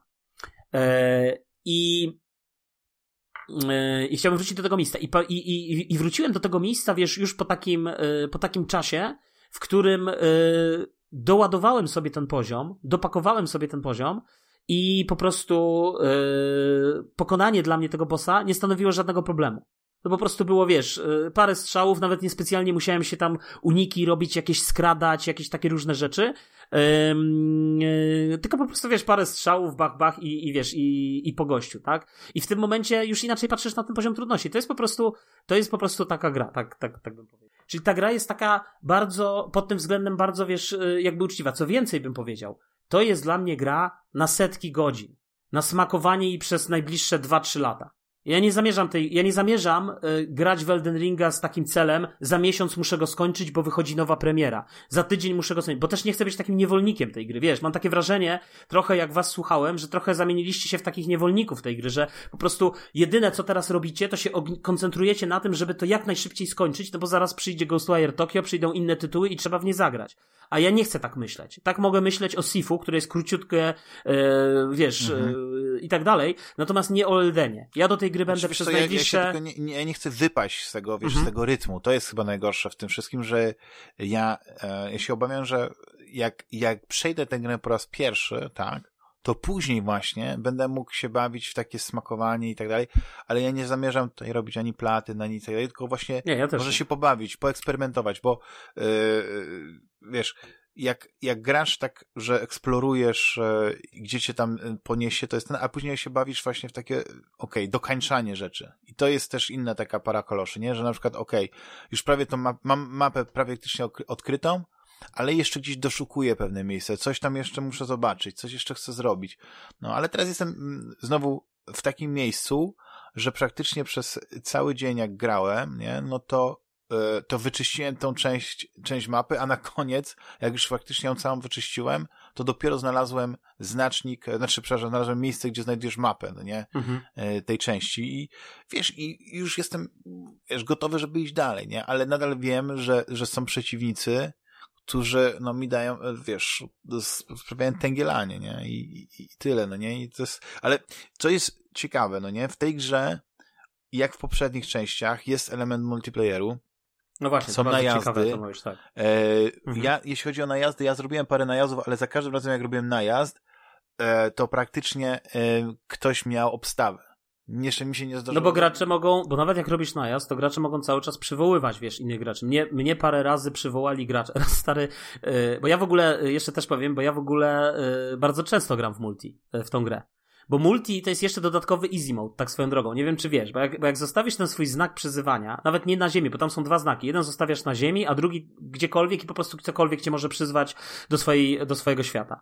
Yy, to jak zostawiasz te znaki, to i ktoś cię przenosi do swojego świata, to nawet jak zginiesz, to nic nie tracisz. A jedynie możesz zyskać. jedynie możesz zyskać. I oczywiście e, to jest czasem żmudne, bo ja tego pierwszego bossa to zabiłem chyba z 6 czy 7 razy w sumie już. Drugiego tak samo, tego Godrika. Jeszcze nie wiem, który się Godrik nazywa. Whatever. Ale właśnie po to, żeby sobie pokoksić trochę punktów, bo to jest prosty sposób na wiesz, dopakowywanie tej postaci, jakby absolutnie nie ma z tym problemu. Dla mnie ta, ta jakby, wiesz, mechaniki są super, ci bossowie są w dalszym ciągu świetni, pełni wyzwań, bo to nie jest tak, że za każdym razem jak grasz w multi, to wygrywasz, bo jednak cały czas w tej grze, przez te noty 9 na 10, jest cała masa gości, którym się wydaje, że wiesz, yy, w Souls, bo jakby jak ginie gospodarz, to automatycznie wracasz do tego swojego świata, tak? Więc gospodarz nie musi zginąć. Więc ja na przykład, a z drugiej strony też nie zaliczy ci bossa, dopóki ty nie jesteś gospodarzem. To też jest takie ciekawe. Czyli, czyli e, jak e, jest bardzo dużo takich miałem gospodarzy, którzy po prostu grali w ogóle, wiesz, zero jakiegokolwiek pomyślunku, tylko latali na pałę w ogóle z tymi bossami i wiesz, i, i, i, i po prostu stracony czas tak naprawdę. E, więc, więc ja jestem e, w tym obozie jakby multiplayerowym. Natomiast ja nie robię najazdów i, i to mi się w ogóle nigdy nie Ja je podobało. robiłem, bo jakiś taki quest był, wiesz, taki, taki grubszy quest był, Rozumiem. e, który, który wymagał, żeby to, to zrobić, ale e, ja sobie to odpuściłem i, i też właściwie jedyne najazdy chyba takie prawdziwe, jakie miałem, to były te fabularne, nie? I, i w paru miejscach aż myślałem, że, że to jest... Ale w ogóle jeden miałem taki najazd, który akurat zrobiłem, w którym, który się skończył tym, że postać Znaczy, ale najazdy, ale najazdy fabularne, wiesz, Tak? bo są jeszcze takie najazdy, gdzie cię na, najeżdżają NPC jakby, nie? No tak, no nie, no to to ja mówię, pamiętam, to, stary, jeszcze, ale- jeszcze Mhm. przepraszam, ja zaraz dokończę tylko jeszcze jeden, propos tych najazdów. Pierwszy najazd taki, który miałem, to byłem wkurzony, bo mówię, to nie da się najazdów wyłączyć, nie? I na mnie leci ten czerwony gracz. A to był właśnie taki najazd fabularny przez NPC-a, wiesz, zrobiony. Ale ja tego nie wiedziałem. Tak. I pokonałem Mnie tego NPC-a. Słuchaj, i pokonałem tego NPC-a i taką czułem dumę, że kurde, to niezły jestem z tego Eldena, bo rozwaliłem po prostu jakiegoś randomowego lolka, który chciał mnie najechać i mi zrobić jesień średniowiecza, a tutaj pierwszy najazd, pierwsze granie w multi i ten, i potem dopiero mi Rafał wytłumaczył, że jestem w błędzie, bo to był Tak. najazd fabularny. No ja miałem takie dziwne właśnie takie, że, że ten mój najazd był taki, że nic się nie dzieje. No, patrzę, ten, ten przeciwnik stoi Mhm. i wygląda dokładnie Jak jak jedna z postaci, które mi dawały quest. Aha. Ten sam strój. Aha.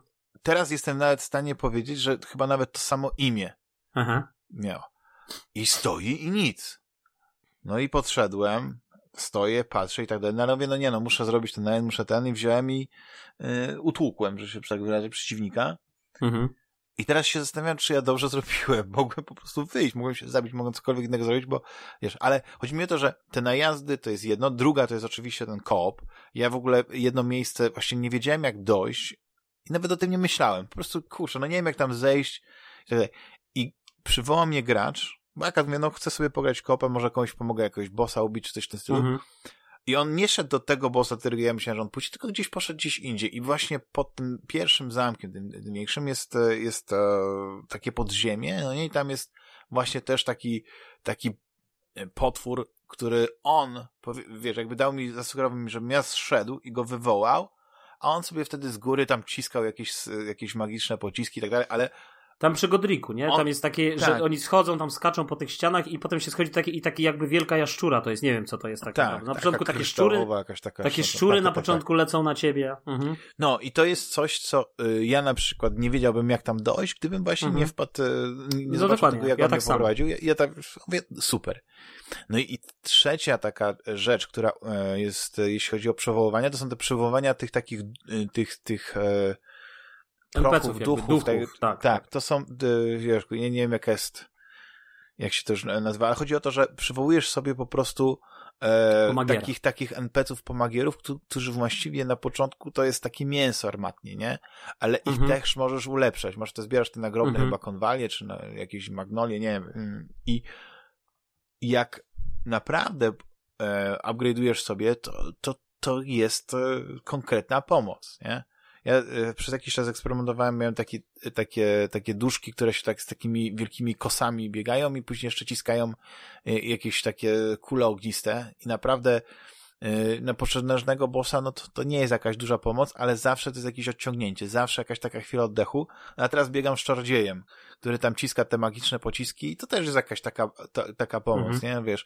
I to jest, to jest duża sprawa, dlatego że właściwie większość tych bossów, których spotykamy, czy na otwartej przestrzeni, czy, czy tych klasycznych, takich zamkniętych, no możemy przywołać te, te duchy, nie? I to jest, Mhm. to jest świetna sprawa, nie? No To jest coś, co mi się bardzo Nie, podoba. do bossów, do bossów to chyba zawsze można ich przywołać. Chodzi o to, że nie, nie zawsze na tych otwartych przestrzeniach, ale przy bossach zazwyczaj nie miałem sytuacji, Tak, że nie mógł ale na przywołać. przykład nie możesz, o Ale może nie dalej. nie możesz przywołać y, tych, te duszki, nie możesz przywołać też jakiegoś innego gracza, że chyba wtedy, wtedy, wtedy ten, y, to jest niemożliwe. Ale wiesz, to jest fajna Tak, nie rzecz. nie Ja możesz- na nie uważam, możesz że to mieć jest ig- jakieś straszne ułatwienie, że ja lamię, bo ja nie potrafię, wiesz, właśnie tak mówisz, y, no damage, no nie, przejść gościa z, z jakimś sztyletem, no nie, wiesz. Mhm. Ale to jest, to fajna rzecz, no. no. Wiesz, to jest, to jest gra, która jest ewidentnie ewolucją, tak? I ja nie grałem w Sekiro, ale Ja wszystko, co słyszę o Sekiro, to jest to, że to jest, że to ja bym się odbił od tej Sekiro, dlatego, że tam są rzeczy, których ja na przykład nie wiem, czy mi się nauczę. Na przykład takie klasyczne parowanie jest w tej grze, ale jest bardzo trudne, bo ten timing, ten, to wyczucie czasu, kiedy na przykład jakiś przeciwnik e, zamachnie się na ciebie bronią, jest różny, bo czasami się zamachnie, a jest chwila takiego zwątpienia. Na przykład te, te, tych, nie wiem, takich zgniłych strażników e, drzewa, ile tam ich ubiłeś, nie? Czy byłeś e, e, i, walczyłeś z takimi wielkimi, potężnymi e, e, Walczyłem z jakimś demonami? przy... Walczyłem przy jakimś przy drzewie, nie wiem, i on takie od czasu do On jest czasu... ogromny, rzuca zgnilizną, dymem, skacze, wali takim wielkim t- Takimi, a to nie wiem, bo takimi laserowymi jakimiś Tak, a na końcu ma taki, światełkami. że, że Takie światełka jakby, tak, tak? że na końcu później rzuca, e, wbija tak w ziemię, wywołuje taki, taki błysk i latają w ciebie te, takie... Tak. e, Tylko wiesz, tylko, tylko to jest dla mnie, tylko to jest też bardzo ciekawe, bo ja słuchaj, e, jak właśnie trafiłem na takiego, czy w tej grze trafiam czasem na takich bossów, to bardzo często jest tak, że zaczynam z nimi walkę, zdejmuję mu dużo HP i nagle, i, i ginę, tak? Ale w którymś momencie sobie myślę, wtedy sobie myślę, że on jest w moim zasięgu i robię dru, dwa, trzy, cztery podejścia i w końcu go pokonuję. Więc e, i też myślę, jest istotny jeszcze No ja wczoraj chyba ze 30 razy podchodziłem do jednego takiego strażnika, Mhm. bo najpierw chciałem, e, mówię, okej, biorę się za niego konno, bo wiesz, konno jest fajnie, bo jesteś szybki, uciekasz tych, możesz tak bardzo szybko obiegać przeciwnika i na przykład e, to, żeśmy ustalili, że Mhm. konno się bardzo sprawnie walczy, przynajmniej z tymi pierwszymi smokami, gdzie jesteśmy dosyć cięcy i, i na strzała, to te konno to jest tak optymalnie, nie? Bo koń ma też swoją wytrzymałość, nie, ty wiesz, nie tracisz życia, czasami to koń traci życie. W ogóle ta jazda konna to jest moim zdaniem też istotny aspekt, ułatwiający, bo on z jednej strony oczywiście zmienia ten gameplay, ale myślę, że on też dość, dość mocno ułatwia, bo tak jak mówisz, raz, że ten koń ma swoją wytrzymałość, a dwa, że myślę, że yy, no bardzo dużo to zmienia w walce. No przecież ile masz takich walk, gdzie po prostu sobie wjeżdżasz w tych wrogów, ciachasz ich Tak. mieczem, raz, drugi, trzeci i do widzenia. Yy, Mhm. Ale to też tego się musiałem nauczyć. No nie? Bo tak, na ale- początku ale- To, to się od tego odbijałem, nie? Tak, ale wiesz co, czasami właśnie po, straciłem bardzo dużo czasu i właściwie biegałem wokół tego drzewa, jak on rzucał tymi promieniami, to ja się wtedy chowałem, nie? Mhm. I zawsze gdzieś na jakimś etapie popełniałem błąd, nie?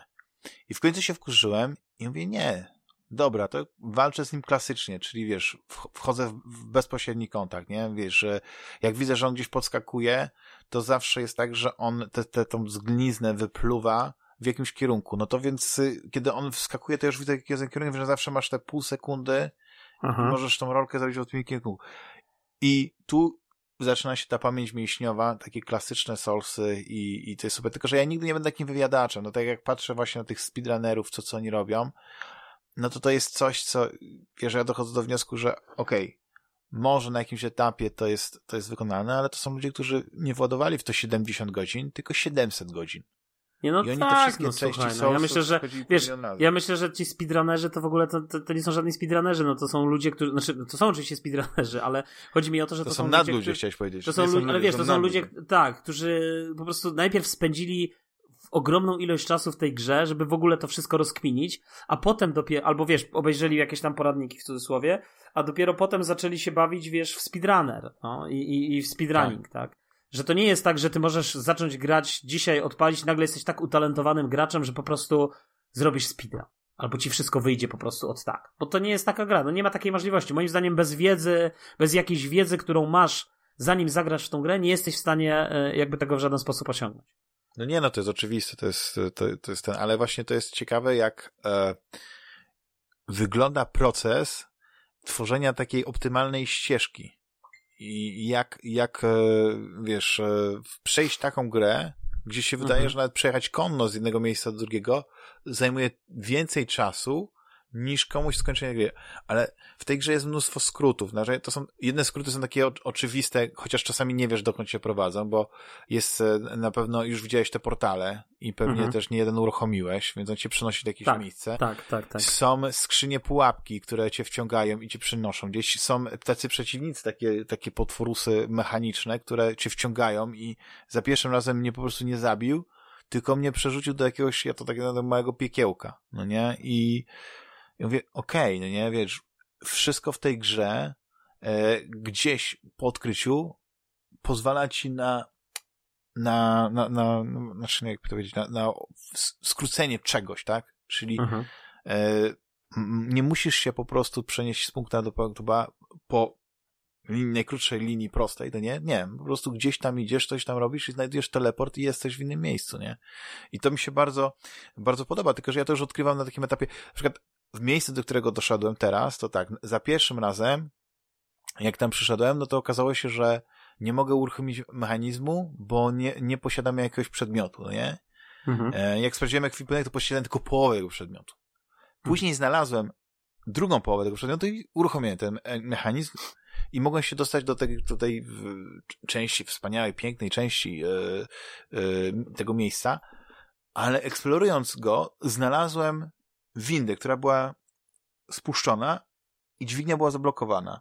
I jak zacząłem właśnie oglądać mapę, to doszedłem do takiego miejsca, że okej, okay, faktycznie tu wygląda mi, że coś jest, być może to jest jaskinia i mówię, dla zabawy przejdę, sprawdzę to miejsce i zobaczę, czy tam nie ma jakiejś alternatywnej ścieżki. I faktycznie, nie w ogóle nie potrzebowałeś tych przedmiotów, po prostu mogłeś iść zupełnie inną ścieżką, być może trudniejszą, nie? Bo, bo yy, yy, żeby w ogóle do kolejnego etapu yy, dojść, tego skrótu, musiałeś pokonać yy, to bestię, no nie? Ten, jakąś tam mhm. wariację mhm. smoka, no nie? I, i no niesamowite, niesamowite, że w ogóle, a propos Skyrima, w tej grze jest mnóstwo smoków. Są takie no, miejsca. George Martin, miejsce, że tam. Tak, że masz tego... No, a, a propos Martina, ja się śmiałem, że Martin prawdopodobnie napisał konspekt i to wszystko. Zastanawiam się jednak, bo to jest pierwsza gra Soulsów, gdzie jest tak dużo postaci, które z tobą rozmawiają.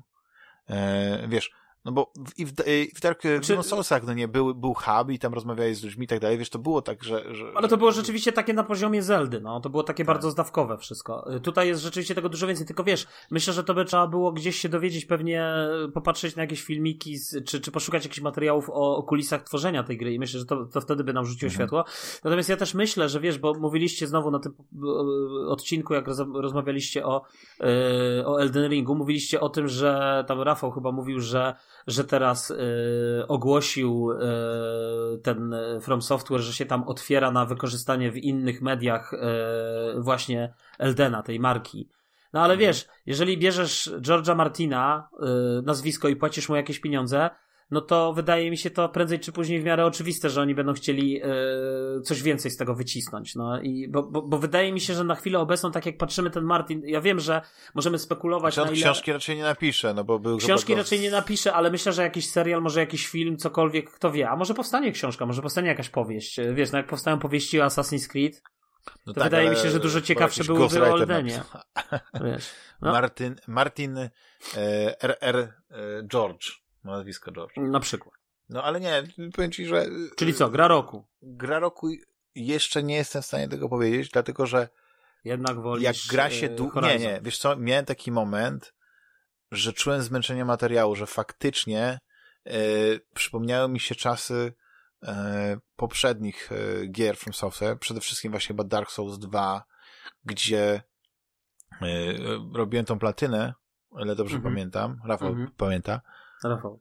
I ta, w, tamtą, w tamtą grę z lekka 100 godzin wodowałem i już byłem takie fizyczne zmęczenie. Wiesz, że już się nie cieszyłem tą grą, bo, bo e, zadałem sobie taki głupi trud, że okej, okay, chcę zrobić ten, e, tą platynę, nie? Znaczy nie, no ja, ja powiem ci szczerze, że ja chcę się odkleić od tego Eldena. To znaczy ja nie chcę zostać niewolnikiem Eldena.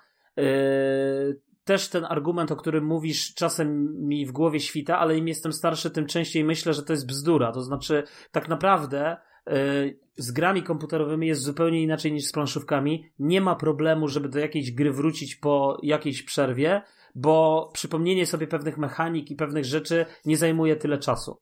To jest zupełnie co innego. Tego nie trzeba czytać żadnej instrukcji, nie trzeba czytać tego. Poza tym też już, już kiedyś grałeś w tę grę. To jest trochę jak z jazdą na rowerze i już jakby wiesz, tak. jak to grać. I mi się no wydaje... Tak, ale na przykład i, do takiego ja... Wiedźmina czy do Skyrima, yy, znaczy może Skyrima to nie wiem, yy, ale chodzi mi o to, że do wszystkich gier, gdzie masz jakieś quest logi, to jesteś w stanie powiedzmy ja wiem, ale ja nie chcę, czasie, wiesz, bo, bo masz... okej, okay, gdzie mam teraz iść? No to patrzę na quest, okej, okay, idę w tym kierunku. Ale właśnie wracasz Tutaj... do Eldena i go eksplorujesz, sobie jeździsz, masz tą postać rozwiniętą no tak, no. i cały czas masz ten aspekt eksploracyjny. Umówmy się, ten świat jest duży, ale on nie jest jakiś bardzo duży. No. Ja wiem, że tam ta mapa rozrasta się i tak dalej, ale chodzi nawet... Znaczy ona nawet ma drugie dno, że się tak wyrażę enigmatycznie. No, ja wiem, tak, jasne, ale też umówmy się, że on inaczej, yy, percepcja tego świata, yy, jeżdżenia po tych... Bo yy, znowu, ja nie wiem, czy, czy pewnie świat w Zeldzie jest mniejszy. Ale chodzi o to, że w Zeldzie, jak się wychodziło z tej e, Breath of the Wild, wychodziło się z tej startowej lokacji i trzeba było dojść do jakiejś tam wioski. To ja pamiętam, że jak szedłem pierwszy raz, to ja byłem porażony, miałem takie odczucie, że to jest pierwsza gra, w której ja tak odczuwam tą przestrzeń. E, nie przestrzeń w rozumieniu widzę mapę ze znacznikami, tylko taką przestrzeń, której doświadczam, grając w jakąś grę. Że ta wioska jest naprawdę daleko, że w międzyczasie jeszcze coś się trafiło i że te przestrzenie są ogromne w Zeldzie.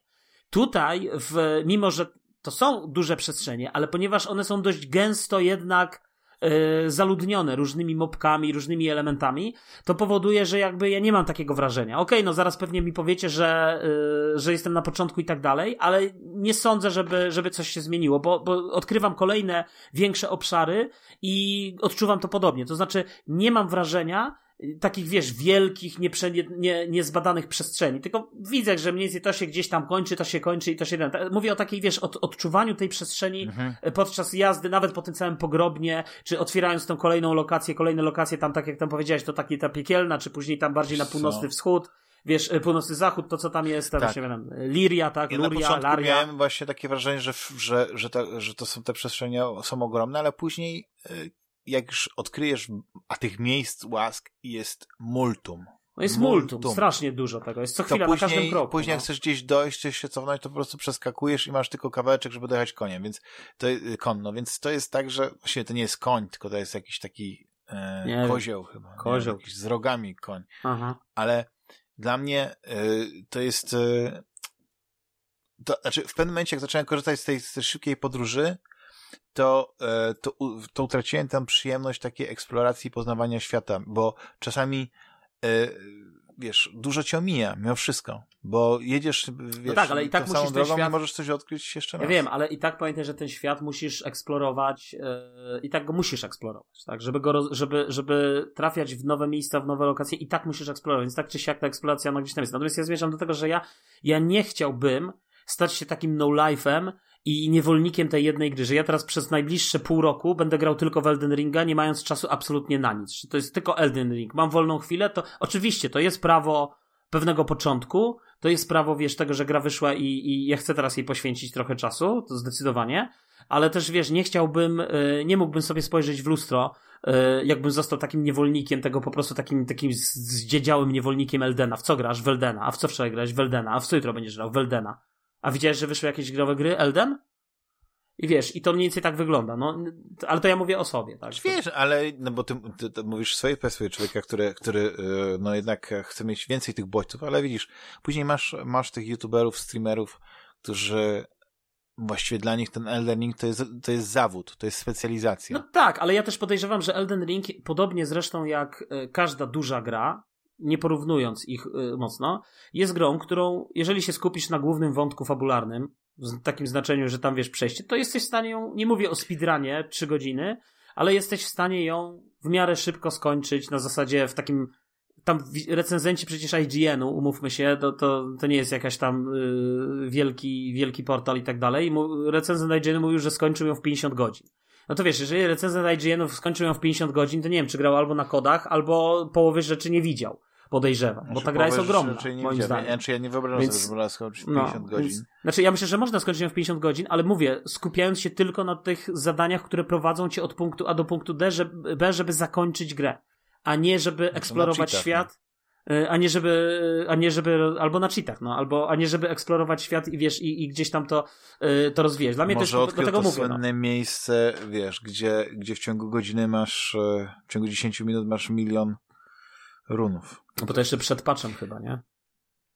No. Ale nie, powiem tak, my do Eldena pewnie jeszcze wrócimy, bo chciałbym na przykład, żebyśmy jeszcze raz tak porozmawiali już ze spoilerami, gdzie będziemy rozmawiać o być może tym, co pamiętamy z fabuły, jeśli tutaj można powiedzieć, że ta fabuła jest jako, jako taka fabularna, bo ona jest, bo tam jest jakaś historia, tylko szczerze mówiąc, ja muszę sobie to odświeżyć. I teraz zastanawiam się, czy to sobie odświeżyć teraz, czy dopiero jak już przejdę to i będę na przykład grał drugi raz, właśnie w tym trybie, tak mówisz, takim przez, przez następne, nie wiem, kilka miesięcy, może rok, dla już takiej przyjemności, ale wtedy chciałbym chłonąć to. No i, i... Czy ja chcę grać od początku, wiesz, dla, e, dla, dla takiej frajdy, mhm. bo ja mam wrażenie, że to jest właśnie taka gra. To nie jest gra do skończenia jej w tydzień. To jest właśnie gra do grania w nią przez miesiące. Eee, I będzie też... w takim razie raz na jakiś czas e, w takim razie wracać. Będzie specjalny kącik, kącik Elden Ringa. Będziemy mhm. się dzielić Który spostrzeżeniami. No właśnie, dokładnie takimi rzeczami. E, dziękuję Ci, Juliuszu, za, e, za rozmowę. Również. Pamiętajcie, żeby nas odwiedzić na stronie www.fantasmagieria.net, śledzić na Twitterze, Facebooku, dołączać do grupy Fantasmagieria. No i co? I słyszymy się za tydzień. Cześć, hej. Cześć.